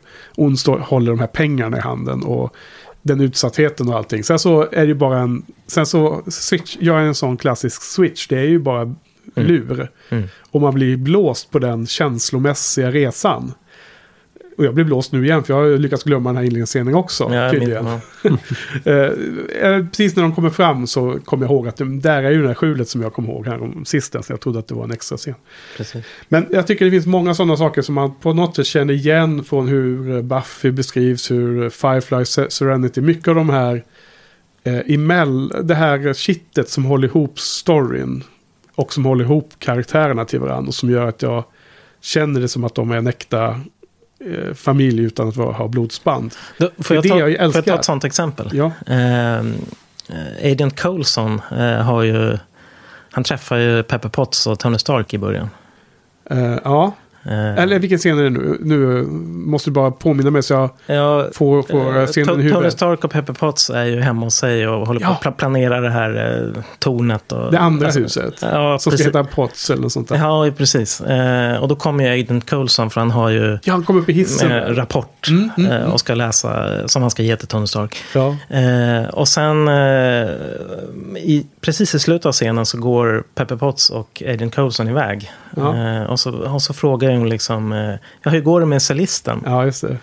Bara en så här, bara sista sekunden av scenen och då säger han liksom, nej men han, hon eh, flyttade till Portland. Ja. Så det, det är slut liksom. Och sen eh, kanske en halvtimme senare när... eh, En timme senare. en timme senare när Tony Stark eh, kommer till luftskeppet och går in i den här kommandocentralen med Agent Coulson så hör man liksom i, precis i början hur han säger Nej men säg bara till så fixar jag en flyg till Portland. Så, Ja. Let love blossom eller vad han säger någonting liksom. Ja. Bara en referens till det där. Det där missar man ju om man inte... ja, och så tredje gången han återkommer till Det är ju när Nick eh, Fury, efter att Coulson har dött, så, så kommenteras det ju igen. Det är någonting med en cellist. Ja, just det. det var, Så det kommer tredje gången. Ja. ja, det är bara sådana små, Ja. det är typiskt Joss Whedon. Måste, alltså Mm. det känns ju som det. Så det, det, det, Extremt genomarbetade manus. det och tyckte jag var jättefint. Och de, inget en liten sån grej. Inte en enda ord är ehm, på ad-libbad, vad heter det, improviserat. Utan det är ju varenda detalj är skrivet exakt Mm. som det ska vara. de grejerna är ju, det är ju så här typ två, tre sekunder repliker. Ja. Men som ändå binder ihop det hela. skapar den här känslan av att det här är riktiga personer på något sätt. Det är det som jag läser in i hela. Mm. Det, det, som, det här är nästan en film man skulle kunna ta scen för scen som vi har sagt att vi kanske inte riktigt gör i den här poddversionen. Då, då. Men den scenen är ju så många roliga grejer. Joss gillar ju uppenbarligen nakna fötter, för det, det ser man titt som tätt. Och nu går ju Pepper Potts Ja, med barfota i den här scenen för att det skulle visa att de är så hemma och Mm. homely och sådär. Och det har han ju andra saker. Alltså, River Tam går ju barfota jättemycket i eh, Serenity och så vidare. Så det händer ju ett antal gånger då. Så det har man ju lagt märke till. Det verkar vara som en liten eh, favoritgrej han har där. Eh, annan rolig grej där som också Eh, eh, som jag tar ehm, med mig som ett ehm, eh, ytterligare ett bevis i min, eh, mitt försvar av Tony Stark. Eh, Agent Coulson vet ju det att han behöver bara visa Tony de här ritningarna och de här, eh, det här problemet som han har med sig i sin mapp. Så bara Tony liksom är intresserad av det.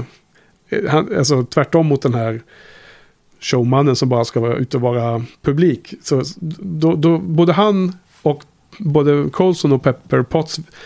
Alltså, det tar noll sekunder för dem att förstå att nu är Tony förlorad för den kvällen. För han ska liksom forska i den här mappen och han, han lägger upp allting på sin dator. Det är ju liksom den där biten av det jag pratade om tidigare. Mm. Så det är en lite rolig scen. Ja, känslan är ju att Joss Whedon är kanske på din sida. Är mer imponerad av Iron Man än Ja. vad John Favreau var. Ja, så kan man också se på det. Men du, det var... Eller en annan del av Ja. Iron Man än vad John Favreau uppskattar. Ja, precis. Och det, vem äger egentligen den, den sanna bilden? Det, jag, jag, jag tänker till exempel så att Edward Norton, ja visst han kanske hade en version av Hulken som han sålde in. Men jag tycker ändå inte att den stämmer in med de andra filmerna. Så då blir den den liksom udda delen då som ska skäras bort om något. Eh, jo, men, men, ja. men bara en, en fin detalj Mm. ytterligare. En Ja. detalj i den där scenen är ju väldigt fint att Pepper eh, kallar Agent Coulson för Phil och eh, Mm. Tony Stark kom till nej, men hans förnamn är ju Agent. eh, det är småfint skämt som ändå visar hans eh, distans till Ja. hela. Men det där är nog snarare med att han är protektiv över sin relation med, med, eh, med Potts tror jag. Kanske det. Lite. Ehm, Ja, de är ju ihop nu också. ja, nu är, lite de ihop. mysigt. Det var lite mysigt, ja. Mm. Eller? Nej, kan jag inte påstå. Varför inte? Eh, för att vi har sett dem i två filmer tidigare och var iskalla. Ja, det må vara. Men här, eh, och, men där får vi ju lägga det på Gwyneths axlar lite mer. Kommer fram till förra veckan ju. Jo, men det här lite lustigt ändå att första scenen. Nu är det ju så att vi har en här i rummet som inte har sett slutet på Buffy. Så vi kan inte prata helt fritt om Buffy. Va? Du har ju säsong 7 kvar Johan. Har du sett säsong 7 Karl? Nej. Inte du heller. Så var bara en här inne. Men, då kan jag bara säga så här att det finns... Den första actionscenen det är ju det när Loki dyker upp hos Erik Selvig och stjäl eh, Tesseract. Tesseracten och flyr iväg. De har ju någon underjordisk forskningslabb. Och alla flyr och det eh, flygs helikoptrar och bilar åker och allt vad det är. Eh, I den scenen finns det väldigt, väldigt tydlig referens till slutet på Buffy. Kan bara säga. Jaha. Som jag tycker är ganska kul. Det första han gör då i den här stor, multi, multistora filmen för Marvel Cinematic Universe är att han typ kopierar en favoritscen. Om man Det nu får tänka så. Förvånar inte det minsta, för hela den sekvensen känns väldigt tv-mässig. Ja. Inte någon eh, riktig filmsekvens kände jag. Och, På, på vilket eh, sätt då?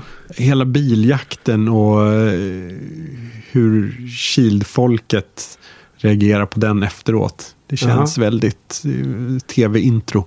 Jaha. Ehm, och Vad sen, lustigt, för det, det tänkte jag inte alls på. sen Dark Loki känns ju också väldigt Buffy. Jaha. hela hans uppenbarelse och när han går runt och petar på folk med sitt magiska spjut och Ja. besitter de, eh, De svart, svarta ögon. dem, ja. demoniska förmågor. ja, det blir lite Buffy-stuk över det också kanske. Ja. Ja, det kändes billigt, Ja. tyckte jag. Eh, nej, men jag, jag gillar det. Jag tycker det, det funkar bra i den här världen. Eh, det, det, man blandar ju det eh, helt spaciga med gudarna och Loki och, och, och Thor och de här liksom med en slags eh, den del av den här världen som är lite mer realistisk som är Captain Americas hemvist om man säger så. Och, och även eh, Iron Man då.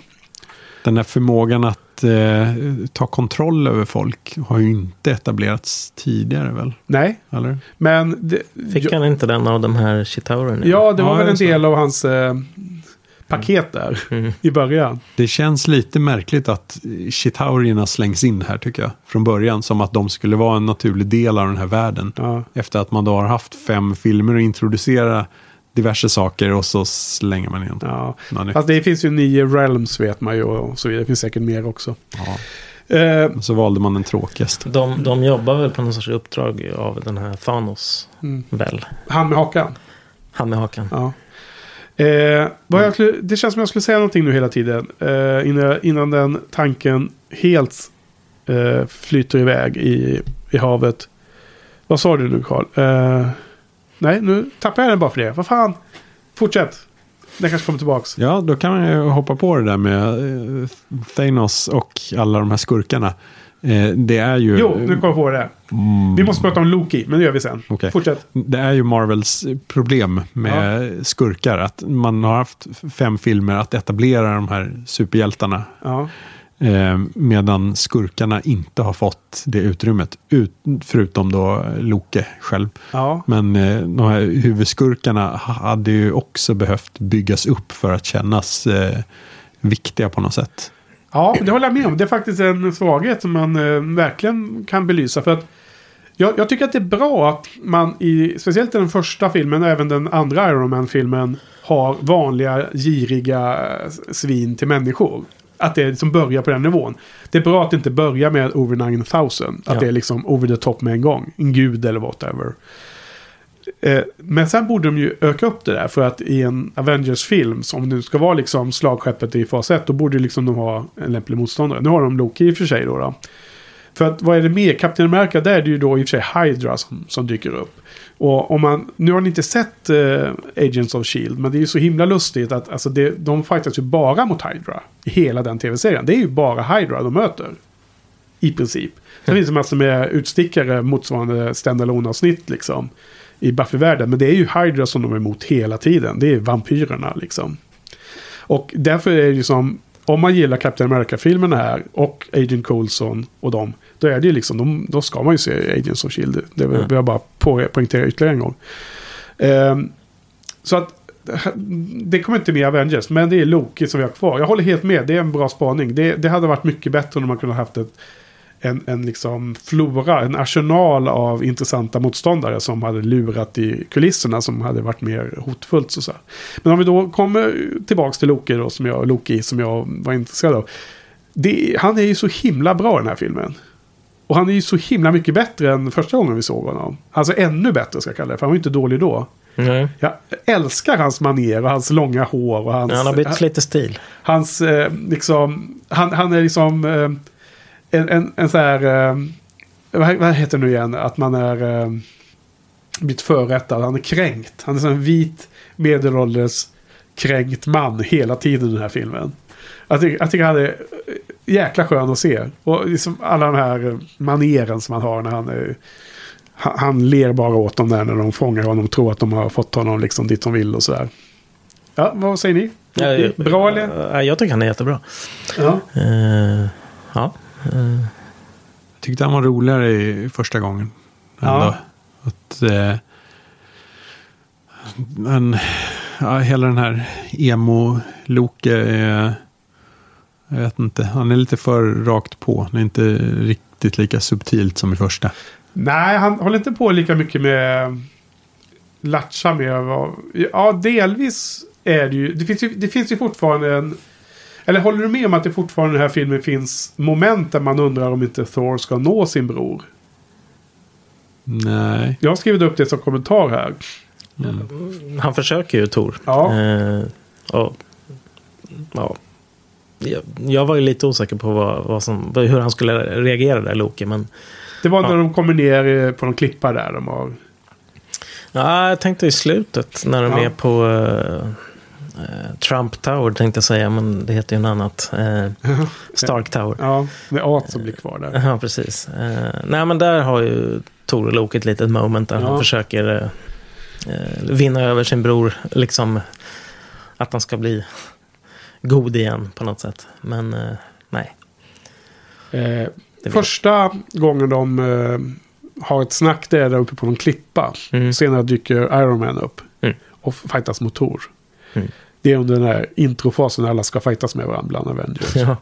Och då, i den scenen så tycker jag att jag undrar om, om Thor nästan når fram till Loki. Mm. Sen så eh, säger han någonting så att det kraschar helt och Loki är igen liksom bara en, spelar det här offret liksom. Och den här adoptivsonen eller brorsan som aldrig hade fått sin rätt och så vidare. Eh, du känner inte igen alls att det fanns någon ambivalent känsla i den scenen eller? Nej.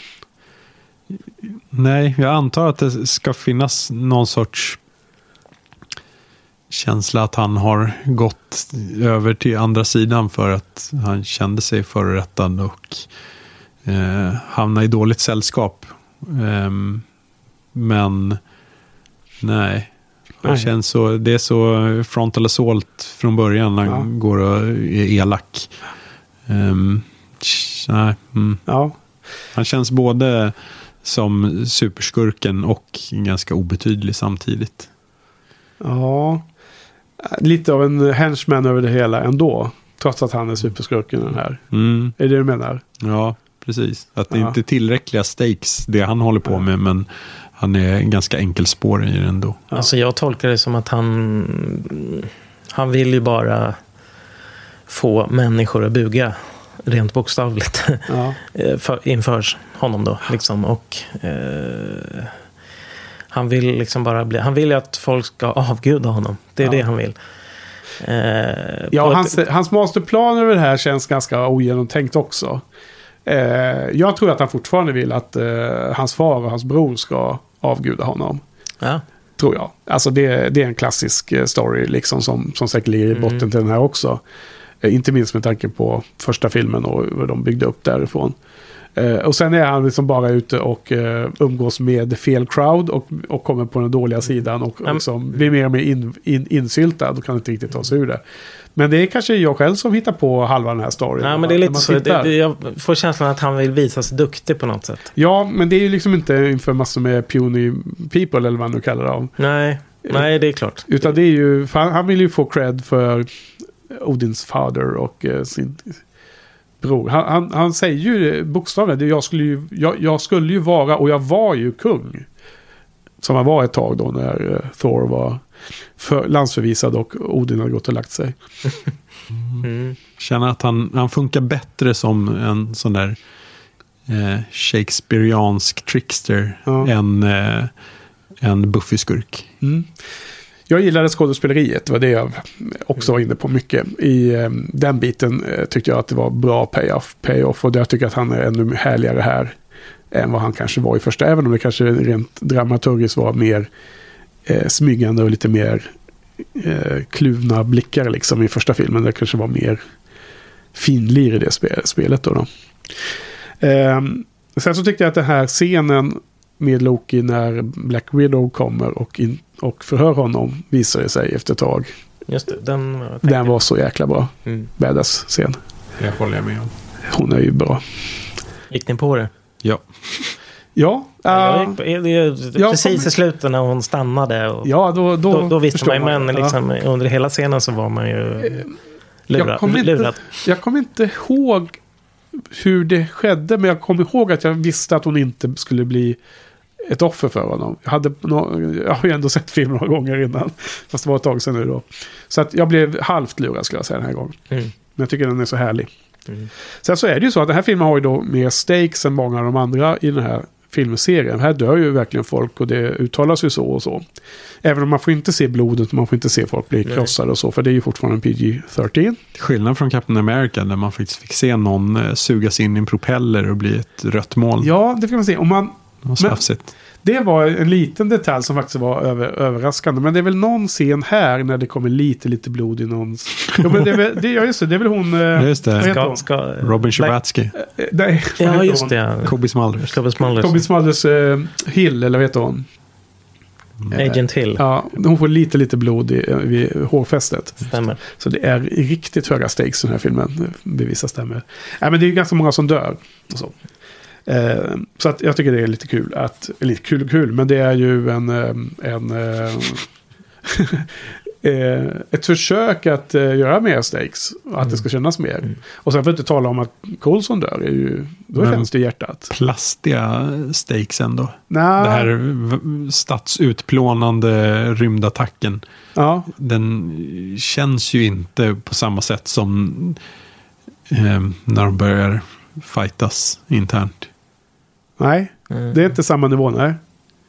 Men det är också... Du tänker på Civil War? Så, Ja, eller ja. Eller det den här filmen? Eh, Re- redan här egentligen när de är ombord på sin carrier ehm, och Loke håller på ehm, lurar om att börja bråka internt. Manipulera Re- dem. Ja, redan där så alltså, det- känns som högre stakes än när New York blir attackerat. Jo, jag håller med om det lite. Och det är ett problem. Och det är, ett problem som är in sen i andra Avengers när de håller på med den här staden. Och det ska vara så allvarligt liksom.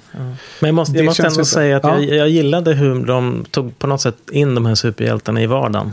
Ja, Liksom i, och faktiskt behandlade alltså civila offer. Ja. Man fick ju se hur de försökte evakuera med, alltså civila. ja. Och en hel del scener med civila som står i sina kontor och eh, ser vad som händer Ja. utanför. Alltså det är ju inte, det är inte som i Man of Steel. Nej, Där det bara är två gudar som flyger omkring. Och Där får man inte se några civila Nej, alls. inte, inte vad jag minns. Nej. Nej. En, Men alltså det skulle ju vara bra om den, en sån här film verkligen tog steget ut och visade att folk också råkar illa ut liksom. Att det blir riktiga Ja. katastroffilmer. mm, mm. Men eh, det får man inte se riktigt. Utan, men det, det här är representation av det. Man ska veta det i huvudet. Ja. Men man får bara visa så här mycket. Mm. Nej, men jag, jag tyckte det var bra ändå. Det är liksom... Det är en, o, det är en tyst överenskommelse mellan filmstudion och publiken. Att på den här typen av filmer som är av det här slaget och så här snälla. Så är det så långt man får gå. Ja, men man har väl lite problemet som eh, krigsfilmer. ehm, som det är sagt att det inte finns några antikrigsfilmer för att alla filmer som skildrar krig eh, använder det för underhållning eh, också. Och det blir ju samma sak här. Att Ja. Det är ju i första hand underhållning att superhjältarna fightas en massa.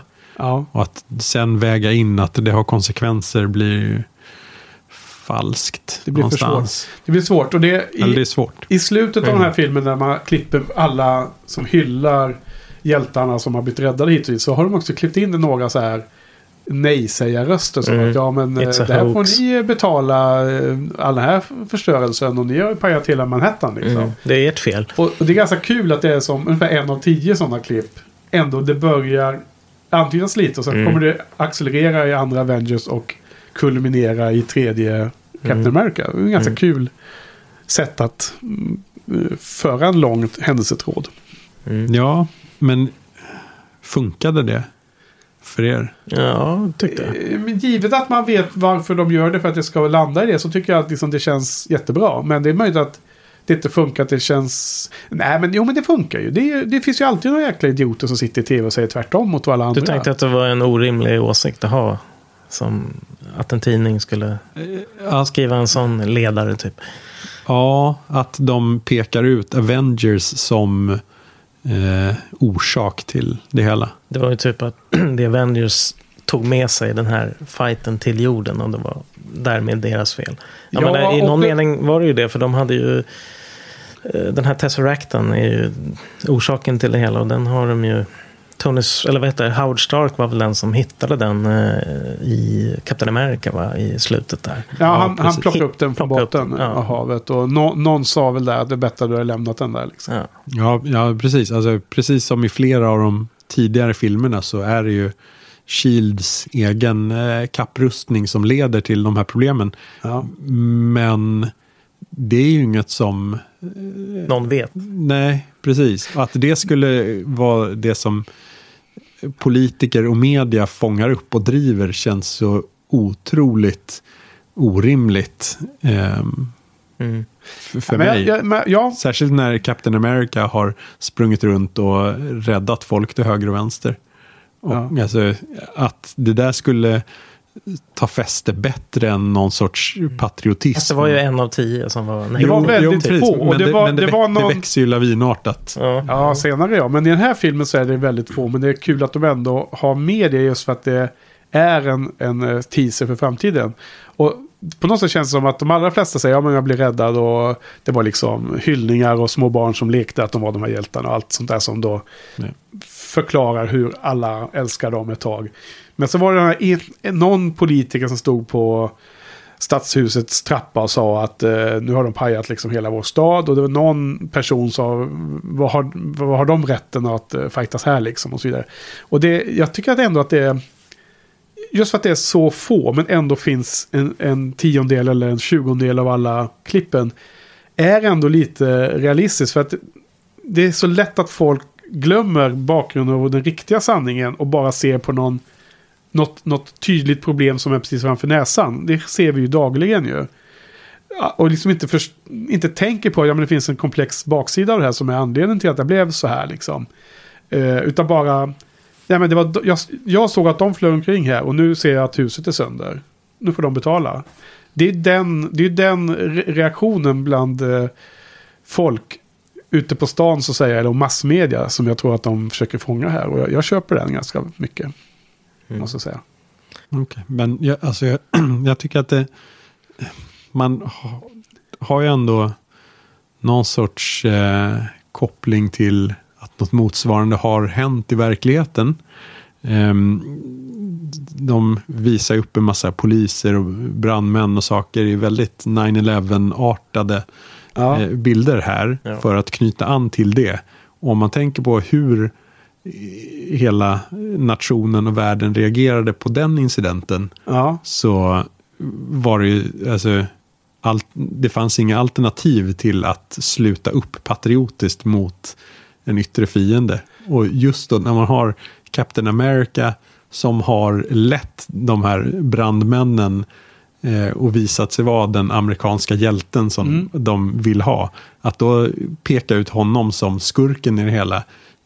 Alltså, det känns inte som att det skulle accepteras någonstans i Jo, det men, krisläget. Eh, Jag, jag, jag förstår vad du säger. Och det, absolut 9-11, men redan då, det var ju nästan veckan efter så var det ju en av 25 som sa att det här är CIA som har gjort det här. Det var, de, de, det var ju nästan med en gång de började hävda att bilderna vid, vid Pentagon visar att det är en robot som kom. Det var inte ett flygplan. Och så börjar de med bilderna och så ska det bevisas. Och så helt plötsligt har inte människan gått på månen. Det var ju konspirationsteori med en gång. Så jag håller inte med där. Att Men det är ju bara foliehattar. Ja, Alltså, precis. Det, det inte, Men det är det som de här klippen visar också i den här filmen, tycker jag. Ja, det tar ju fäste hos politiker. Ehm, I den här filmen? Ja, senare menar du då I med, den här världen. med general Ross och, Ja, vi- som vi- blir ja. försvarsminister. Det är det vi får se hur de hanterar. Ja. Just Ja, nu så det tycker jag... intressant. Ja, men då har vi, vi har eh, rapporterat olika syn på hur, de, det hur den det finns ju bortklippta scener Ja, som behandlar det här. okej. Okej. Som väl då förstås är bortklippta för att de inte tillhör kanon. Men tanken har ändå funnits där. Där det är någon sorts eh, bookend. Där eh, filmen börjar med att Agent Hill blir utfrågad av eh, det där World Security Council. Eh, om katastrofen i New York. Hur kunde det gå så här illa? Ja. Nick Fury eh, orsakade det här med, genom att plocka in Avengers. Ja. Eh, och de grillar henne och vill få henne att förklara på vilket sätt det var hans fel. Och sen eh, i, slutar det då med motsvarande scen. Att den fortsätter och hon förklarar att han var eh, hänsynslös eller ansvarslös. Eh, men att det räddade situationen. Så att hon kör en sån här liten Buffy-grej mot The Council. Eh, som ju känns Ändamålet väldigt... Helga medlen. Men det, alltså, det känns vä- väldigt eh, Buffy Council det där för övrigt. Eh, ganska konstigt. World Jaha. Security Council. Eh, men, men i alla fall, de tankarna fanns Alltså det är där. med väldigt de, tydligt i andra Captain America-filmen också va? Det är väl samma council som, de, antagligen. som Redford är med i där. Ja, just det. Ja. Men att de på något sätt skulle beskylla eh, Avengers för det hela Eh, också. Det, det, påminner nästan lite om eh, den här eh, Mission Impossible-serien. Där de, de se, senaste filmerna liksom är att helt plötsligt så ställs eh, det här, vad han nu heter, den organisationen som Tom Cruise jobbar för där, ställs, så blir jagade av CIA. Eller hur? Lite samma. Ja, det. Ja. De gör egentligen rädda världen varenda gång, men helt plötsligt är det de som är the bad guys. Så att det är väl, det går upp och ner där. Men den här World Security Council, eh, Nick Fury har ju någon scen där han pratar med sin ledning eller vad det Ja, det är det. ledningsgrupp. Det är Det är, det de. som är- Det är de. Och de sitter... Det, Watchers Council. Ja, precis. Men är alldeles mörklagda, hemliga Ja. silhuetter. Ja, ja. Men det är om- Powers Booth, är en av skådespelarna. Han som sitter tvåa från vänster i den. Jaha, Rest in Peace får man säga. Precis. Ja, ja, Han, dog precis bara för någon dag sedan tror jag. ja, oj då. Men eh, de föreslår ju att man kan ju atombomba Ma- Manhattan. Det är ju ett bra förslag, tycker de. Ja, det är det, de vill göra. Nick Fury att nej, det gör vi inte. Mm. Eh, fast det var ju en bra plan, för det gjorde att Tony Stark fick tag på rätt bomb för att förgöra eh, ciggrillerna, eller vad heter de? Chitaurierna. Chitaurierna, okej. Ja, men du. Eh, börjar vi närma oss eller? Jag hade någon grej här, ska vi se. Eh, Tony kallar Hawkeye för Legolas i en scen. Det är också populärkulturell referens. När han ska åka och flyga upp på tornet där och få en hög position och kunna skjuta. Han är ganska badass i de här scenerna. Han är ju bra alltså. Han har ju ett dåligt vapen. Han är helt oskyddad och han har liksom pilar som är avancerade. Men de tar ju slut tydligen också. Ja. Så att eh, han är himla cool när han är som bäst. Men han är ganska oduglig när, när det är ganska stor skillnad mellan Tor och Hulken och eh, Legolas. Ja, precis. Liksom. Ja, jag väljer, eh, jag väljer Tor först på mitt lag. Ja. Du får välja Hawkeye. Alltså väljer jag Hulken också. Du, ja.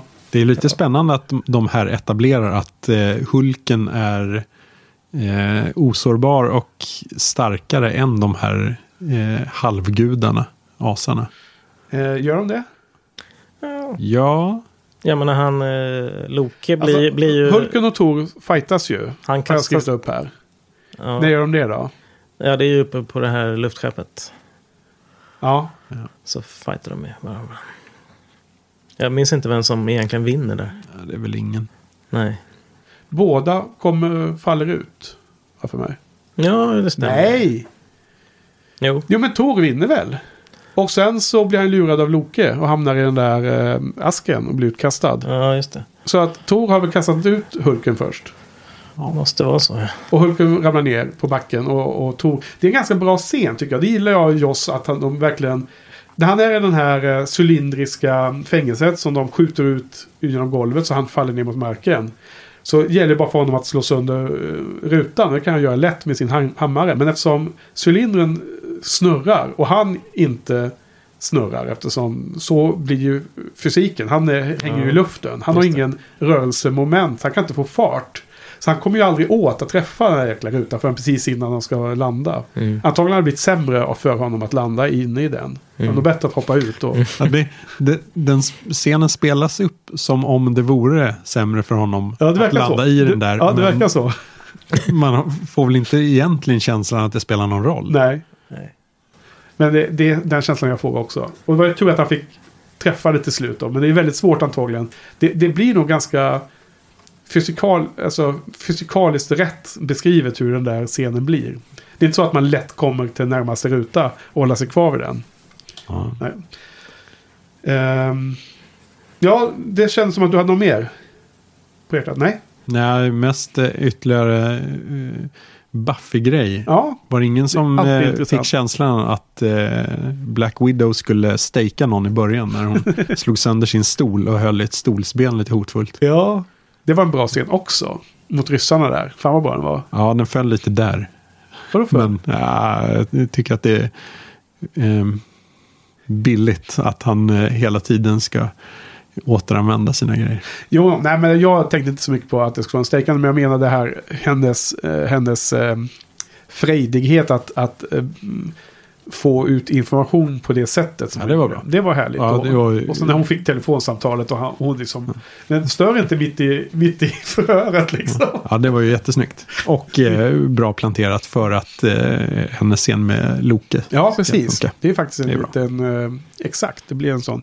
Nej, sen då att hon hade den där eh, träpinnarna från stolen menar du att det skulle vara en eh, påminnare om Buffy då? Ja, ja kanske. Lite.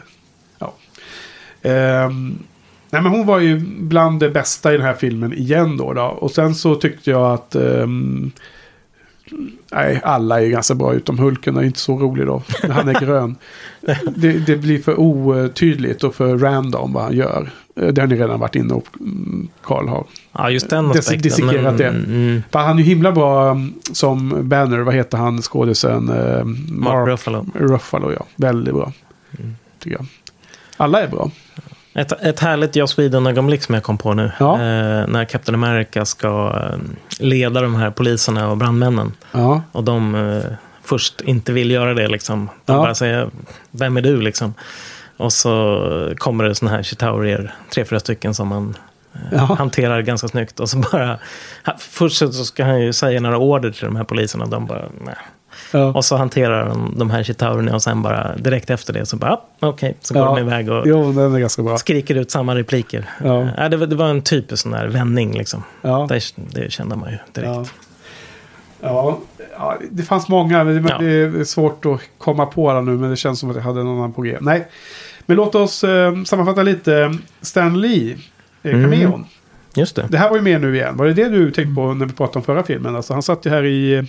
Det var ju bland de här tv-klippen i slutet. Och han var ju en av Ja, dem som, ut- skeptisk. som uttryckte skepticism. Han satt och spelade schack där i Ja. typ någon park där. eh, Just. Ja, Central Park och liknande. Men det var ju kul lite så. Och sen har vi ju då två extra scener på den här filmen. Så Mm, den första extra scenen ja, var ju när Loki kom upp och... Eh, nej, nej, handlar ju om Lokis eh, uppdragsgivare, mannen med den stora hakan som får rapport om att det här gick inget bra liksom. Eh, som är bara liksom en setup för att det här kommer återkomma i senare. Som jag antar Avengers Infinity Wars då. då. Det är det man får gissa va? Mm. Den var väl ganska, ja men liksom lite ska föra handlingen framåt men inte speciellt givande. Även om jag faktiskt tror att det är eh, en Buffy-skådespelare som spelar någon av de figurerna där. Den, den som inte är Thanos spelas av han som spelar Wesley Wyndham Price. Om jag förstår eh, IMDB korrekt. Oh, Om jag matchar, han är med i någon roll och jag ser inte hans ansikte. Så att om jag matchar det till rätt person så är det den figuren. Sen har vi ju då den sista extra scenen som är efter all text. Och den är ju eh, samma, bild, samma scen som eh, producent Johan har lagt in som eh, huvudheader på Buffy, vad säger jag, shinypodden.se. Just. Det är när de sitter helt tyst och äter shawarma, shawarma eller vad heter det? Mm. Shawarma Palace. Mm. Och den är så jäkla kul, kul tycker jag. Ja, Jo, men den är kul för att den är x antal sekunder. Men så är det ju x plus y antal sekunder. Den drar Mm. ut lite längre. Det är det som är så roligt. att den, Det är inte bara det här klippet att man ser dem sitta där. Utan det, den har liksom en viss längd också. jo, Mer man, man, man känner på den trötta stämningen med den här eh, personalen som går och sopar i bakgrunden också. Ja, de- precis. För man ser att det är helt eh, demolerat. Så det Mm. krossas. Men jag tycker att det ser ut som att alla är sådär, du vet, man är jättehungrig. Och så går de och äter på ett snabbmatsställe. Och alla har liksom munnen full med mat. Det är därför de inte orkar prata just då. Man ser vissa eh, kropps... Eh, jag tror eh, Scarlett Johansson sitter eh, och, ser ut som att hon äter. Och alla äter utom Tony Stark för övrigt ser det ut som. Ja, Clark jag, kanske. jag älskar den där scenen. Jag tycker den är så jäkla bra. Det är den bästa extra scenen som, som är i hela serien. Hmm. För den är så himla eh, udda. Liksom. Eh, Så. Vad, vad tycker du Carl? Ja. Du sitter här och eh, ler hemlighetsfullt. Du gillar den inte alls? Nej, Nej. Shawarma inte Palace. direkt. Ja. Slutlåten. Soundgarden. Chris Cornell. You like? Vilken låt var det? Det spelas väl lite olika musikstycken där för Ja. med långa eftertexter. Men, men, så- men, den, men den stora slutlåten med sångtext och, som man får höra från början till slut är en... Mm. Jag var så eh, trött att jag faktiskt spolade lite där. Okej. jag hörde Live, Live to Rise med Soundgarden. Väldigt bra låt tycker jag. Sen glömde vi säga det, att när Tony Stark kommer till Tyskland. Också en ganska bra sekvens tycker jag. När han fångar Loki första gången. Eh, då spelas ju ACDC igen när han dyker upp. det, det lade ni märke till såklart. Det måste vi bara nämna eftersom lyssnarna kommer ju skjuta oss annars. Ja, De spelar ju Shoot to Kill. ja, ja. ja. Ja, det var lite blandat smågott i slutet. Vad har ni något mer avslutande notes? Kommentarer? Ja, det är om man ska ta upp det där med Captain America och Iron Man igen. Ja. Ehm, deras möte på Carrion. Ja. Ehm, de är i luven på varandra ganska rejält. Ehm, det är ju lite lustigt att de är så eh, explicita mot varandra och uttalar varför de ogillar varandra. Okej. Eh, Captain America eh, väl säger att Tony Stark är en narcissist och saknar hjälteegenskaper. Säger han väl rakt ut. Och eh, Ja. Tony eh, svarar och säger att eh, Captain America bara är en labbprodukt Ja. och inte har några, eh, något värde i sig. Ja, Eftersom det. han, liksom många av de eh, biffarna som försökte bli super soldiers, eh, också helt saknar den där förmågan. Alltså, att Tony Stark inte ens kan se eh, vad ehm, Captain America bidrar med. Nej, Rent eh, sådär moraliskt. alltså... Säger en hel del om honom. Jo, ja, kanske. Eh, om man nu tolkar de här scenerna på det sättet. Men jag har skrivit upp en kommentar som också berör de två. För det är ju uppenbart att de är ledarfigurerna. Och båda... Nu har jag tyvärr inte skrivit upp exemplen. Men jag har bara skrivit som en sammanfattning i slutet av mina notes. Att det är intressant att både Captain America och Tony Stark under olika scener i filmen har lett gänget vidare. De är ledargestalter men de är ju helt olika. Eh, Mm. Och nu kommer jag inte ihåg, tyvärr skrev jag inte upp dem, det borde man göra. Eh, Minnes... Eh, alltså ett tips när det gäller poddning. När man skriver sina notes, om man inte är väldigt specifik. Så är det helt säkert att man har glömt sen. Ja. Några dagar senare när man ska försöka återberätta eller återreferera till scenen. Då måste man skriva upp det ganska tydligt. När man sitter i, i fåtöljen och ser på filmen så känns det helt självklart. Men ibland är- på Buffy-podden när jag hade notes. Som jag, hela meningar som jag inte förstod överhuvudtaget vad jag pratade om. Så jag försökte skriva mer detaljer. Men det har jag inte gjort den här gången heller. Men det är ett, vid olika tillfällen. Jag menar. Eh, det, det de spelar upp är nog deras olika... Alltså det, det är som en eh, två sidor av samma mynt på något sätt. De har båda är ledargestalter. Båda ta, take leads i Avengers. Men de gör det från helt olika perspektiv. Det är jag helt överens om. Och de, sen så tycker jag att de är gnabbas än att de är eh, så på sånt, på sånt allvar som jag får en känsla av att du läser in i detta. På något sätt känns det som näst... Det är liksom snäppet, det, det, det är snäppet mer allvar i botten när de gnabbas mellan Tony och Captain America än när Tony och Banner gnabbas. För där är det ju kärleksfullt. De har ju respekt för varandra Mm. och gnabbas av, av nästan kollegialt så här buddy eh, gnabb. Så här, liksom. Eh, tycker jag då. Men det, jag uppfattar det som att du ser det mer som att det är som en renodlad konflikt som blossar hela tiden mellan dem. Ja, alltså de samarbetar ju gladeligen när de väl ska börja fightas. Ja, Men att de har väldigt djupt rotad brist på respekt för varandra. ja det etablerar sig väldigt mycket här. Ja, Eh, sen är väl, kan man ju undra hur, pass mycket är bara småaktig avundsjuka via Howard Stark. Ehm, Tony verkar ju vara lite avundsjuk på att Captain America eh, var samtida med hans far och Captain America fortfarande lever på den vänster. Jaha. Och eh, Ja. han är lite bitter för det. Medan då eh, Captain America kanske då enligt mig inte hade största respekten för Howard Stark och då dessutom ser att han har en bortskämd son som, Ja. som du sa har Bortskämd. tagit de där eh, extravaganta bitarna till större extremer och narcissismen till större extremer. Ehm, Ja, absolut. Och, och det måste man nästan gå in och titta på de scenerna igen för att kunna liksom reflektera över hur man själv läser dem. För jag kommer inte ihåg exakt Nej, vad- jag känner hur det jag sägs. måste se om den här scenerna för att se. Ja. För att liksom verkligen känna efter. Men det är en bild av- Mm. intressant spaning. Vi får, vi får lyssna på vår egen podd Johan och se om filmen i framtiden. Men att de har olika ledarstil, det är ju uppenbart. Det är uppenbart. Ja, men de, de förstärker ju, alltså det är det man spelar med här och det är det som kulminerar i senare film som vi ska prata om.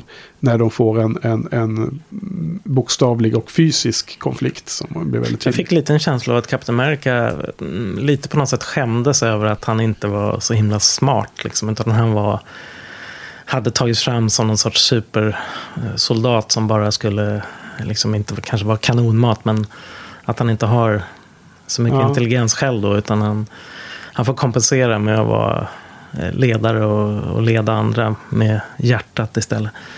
Eh, Jag, tänkte på en annan sak angående Tony Stark som vi pratade om förra veckan. var ju det här i slutet av andra filmen. När eh, Black Widow har varit undercover hos Tony. Så lämnar hon ju en rapport till eh, Nick Fury som vi, vi pratade om det lite. Mm. hon, han, hon, hon, hennes sammanfattning var att vi vill, vi vill inte ha Tony Stark men vi vill, vi vill ha Iron Man. Och, eh, och då var det här med narcissism, yes och så här liksom. Och Tony höll ju med om det.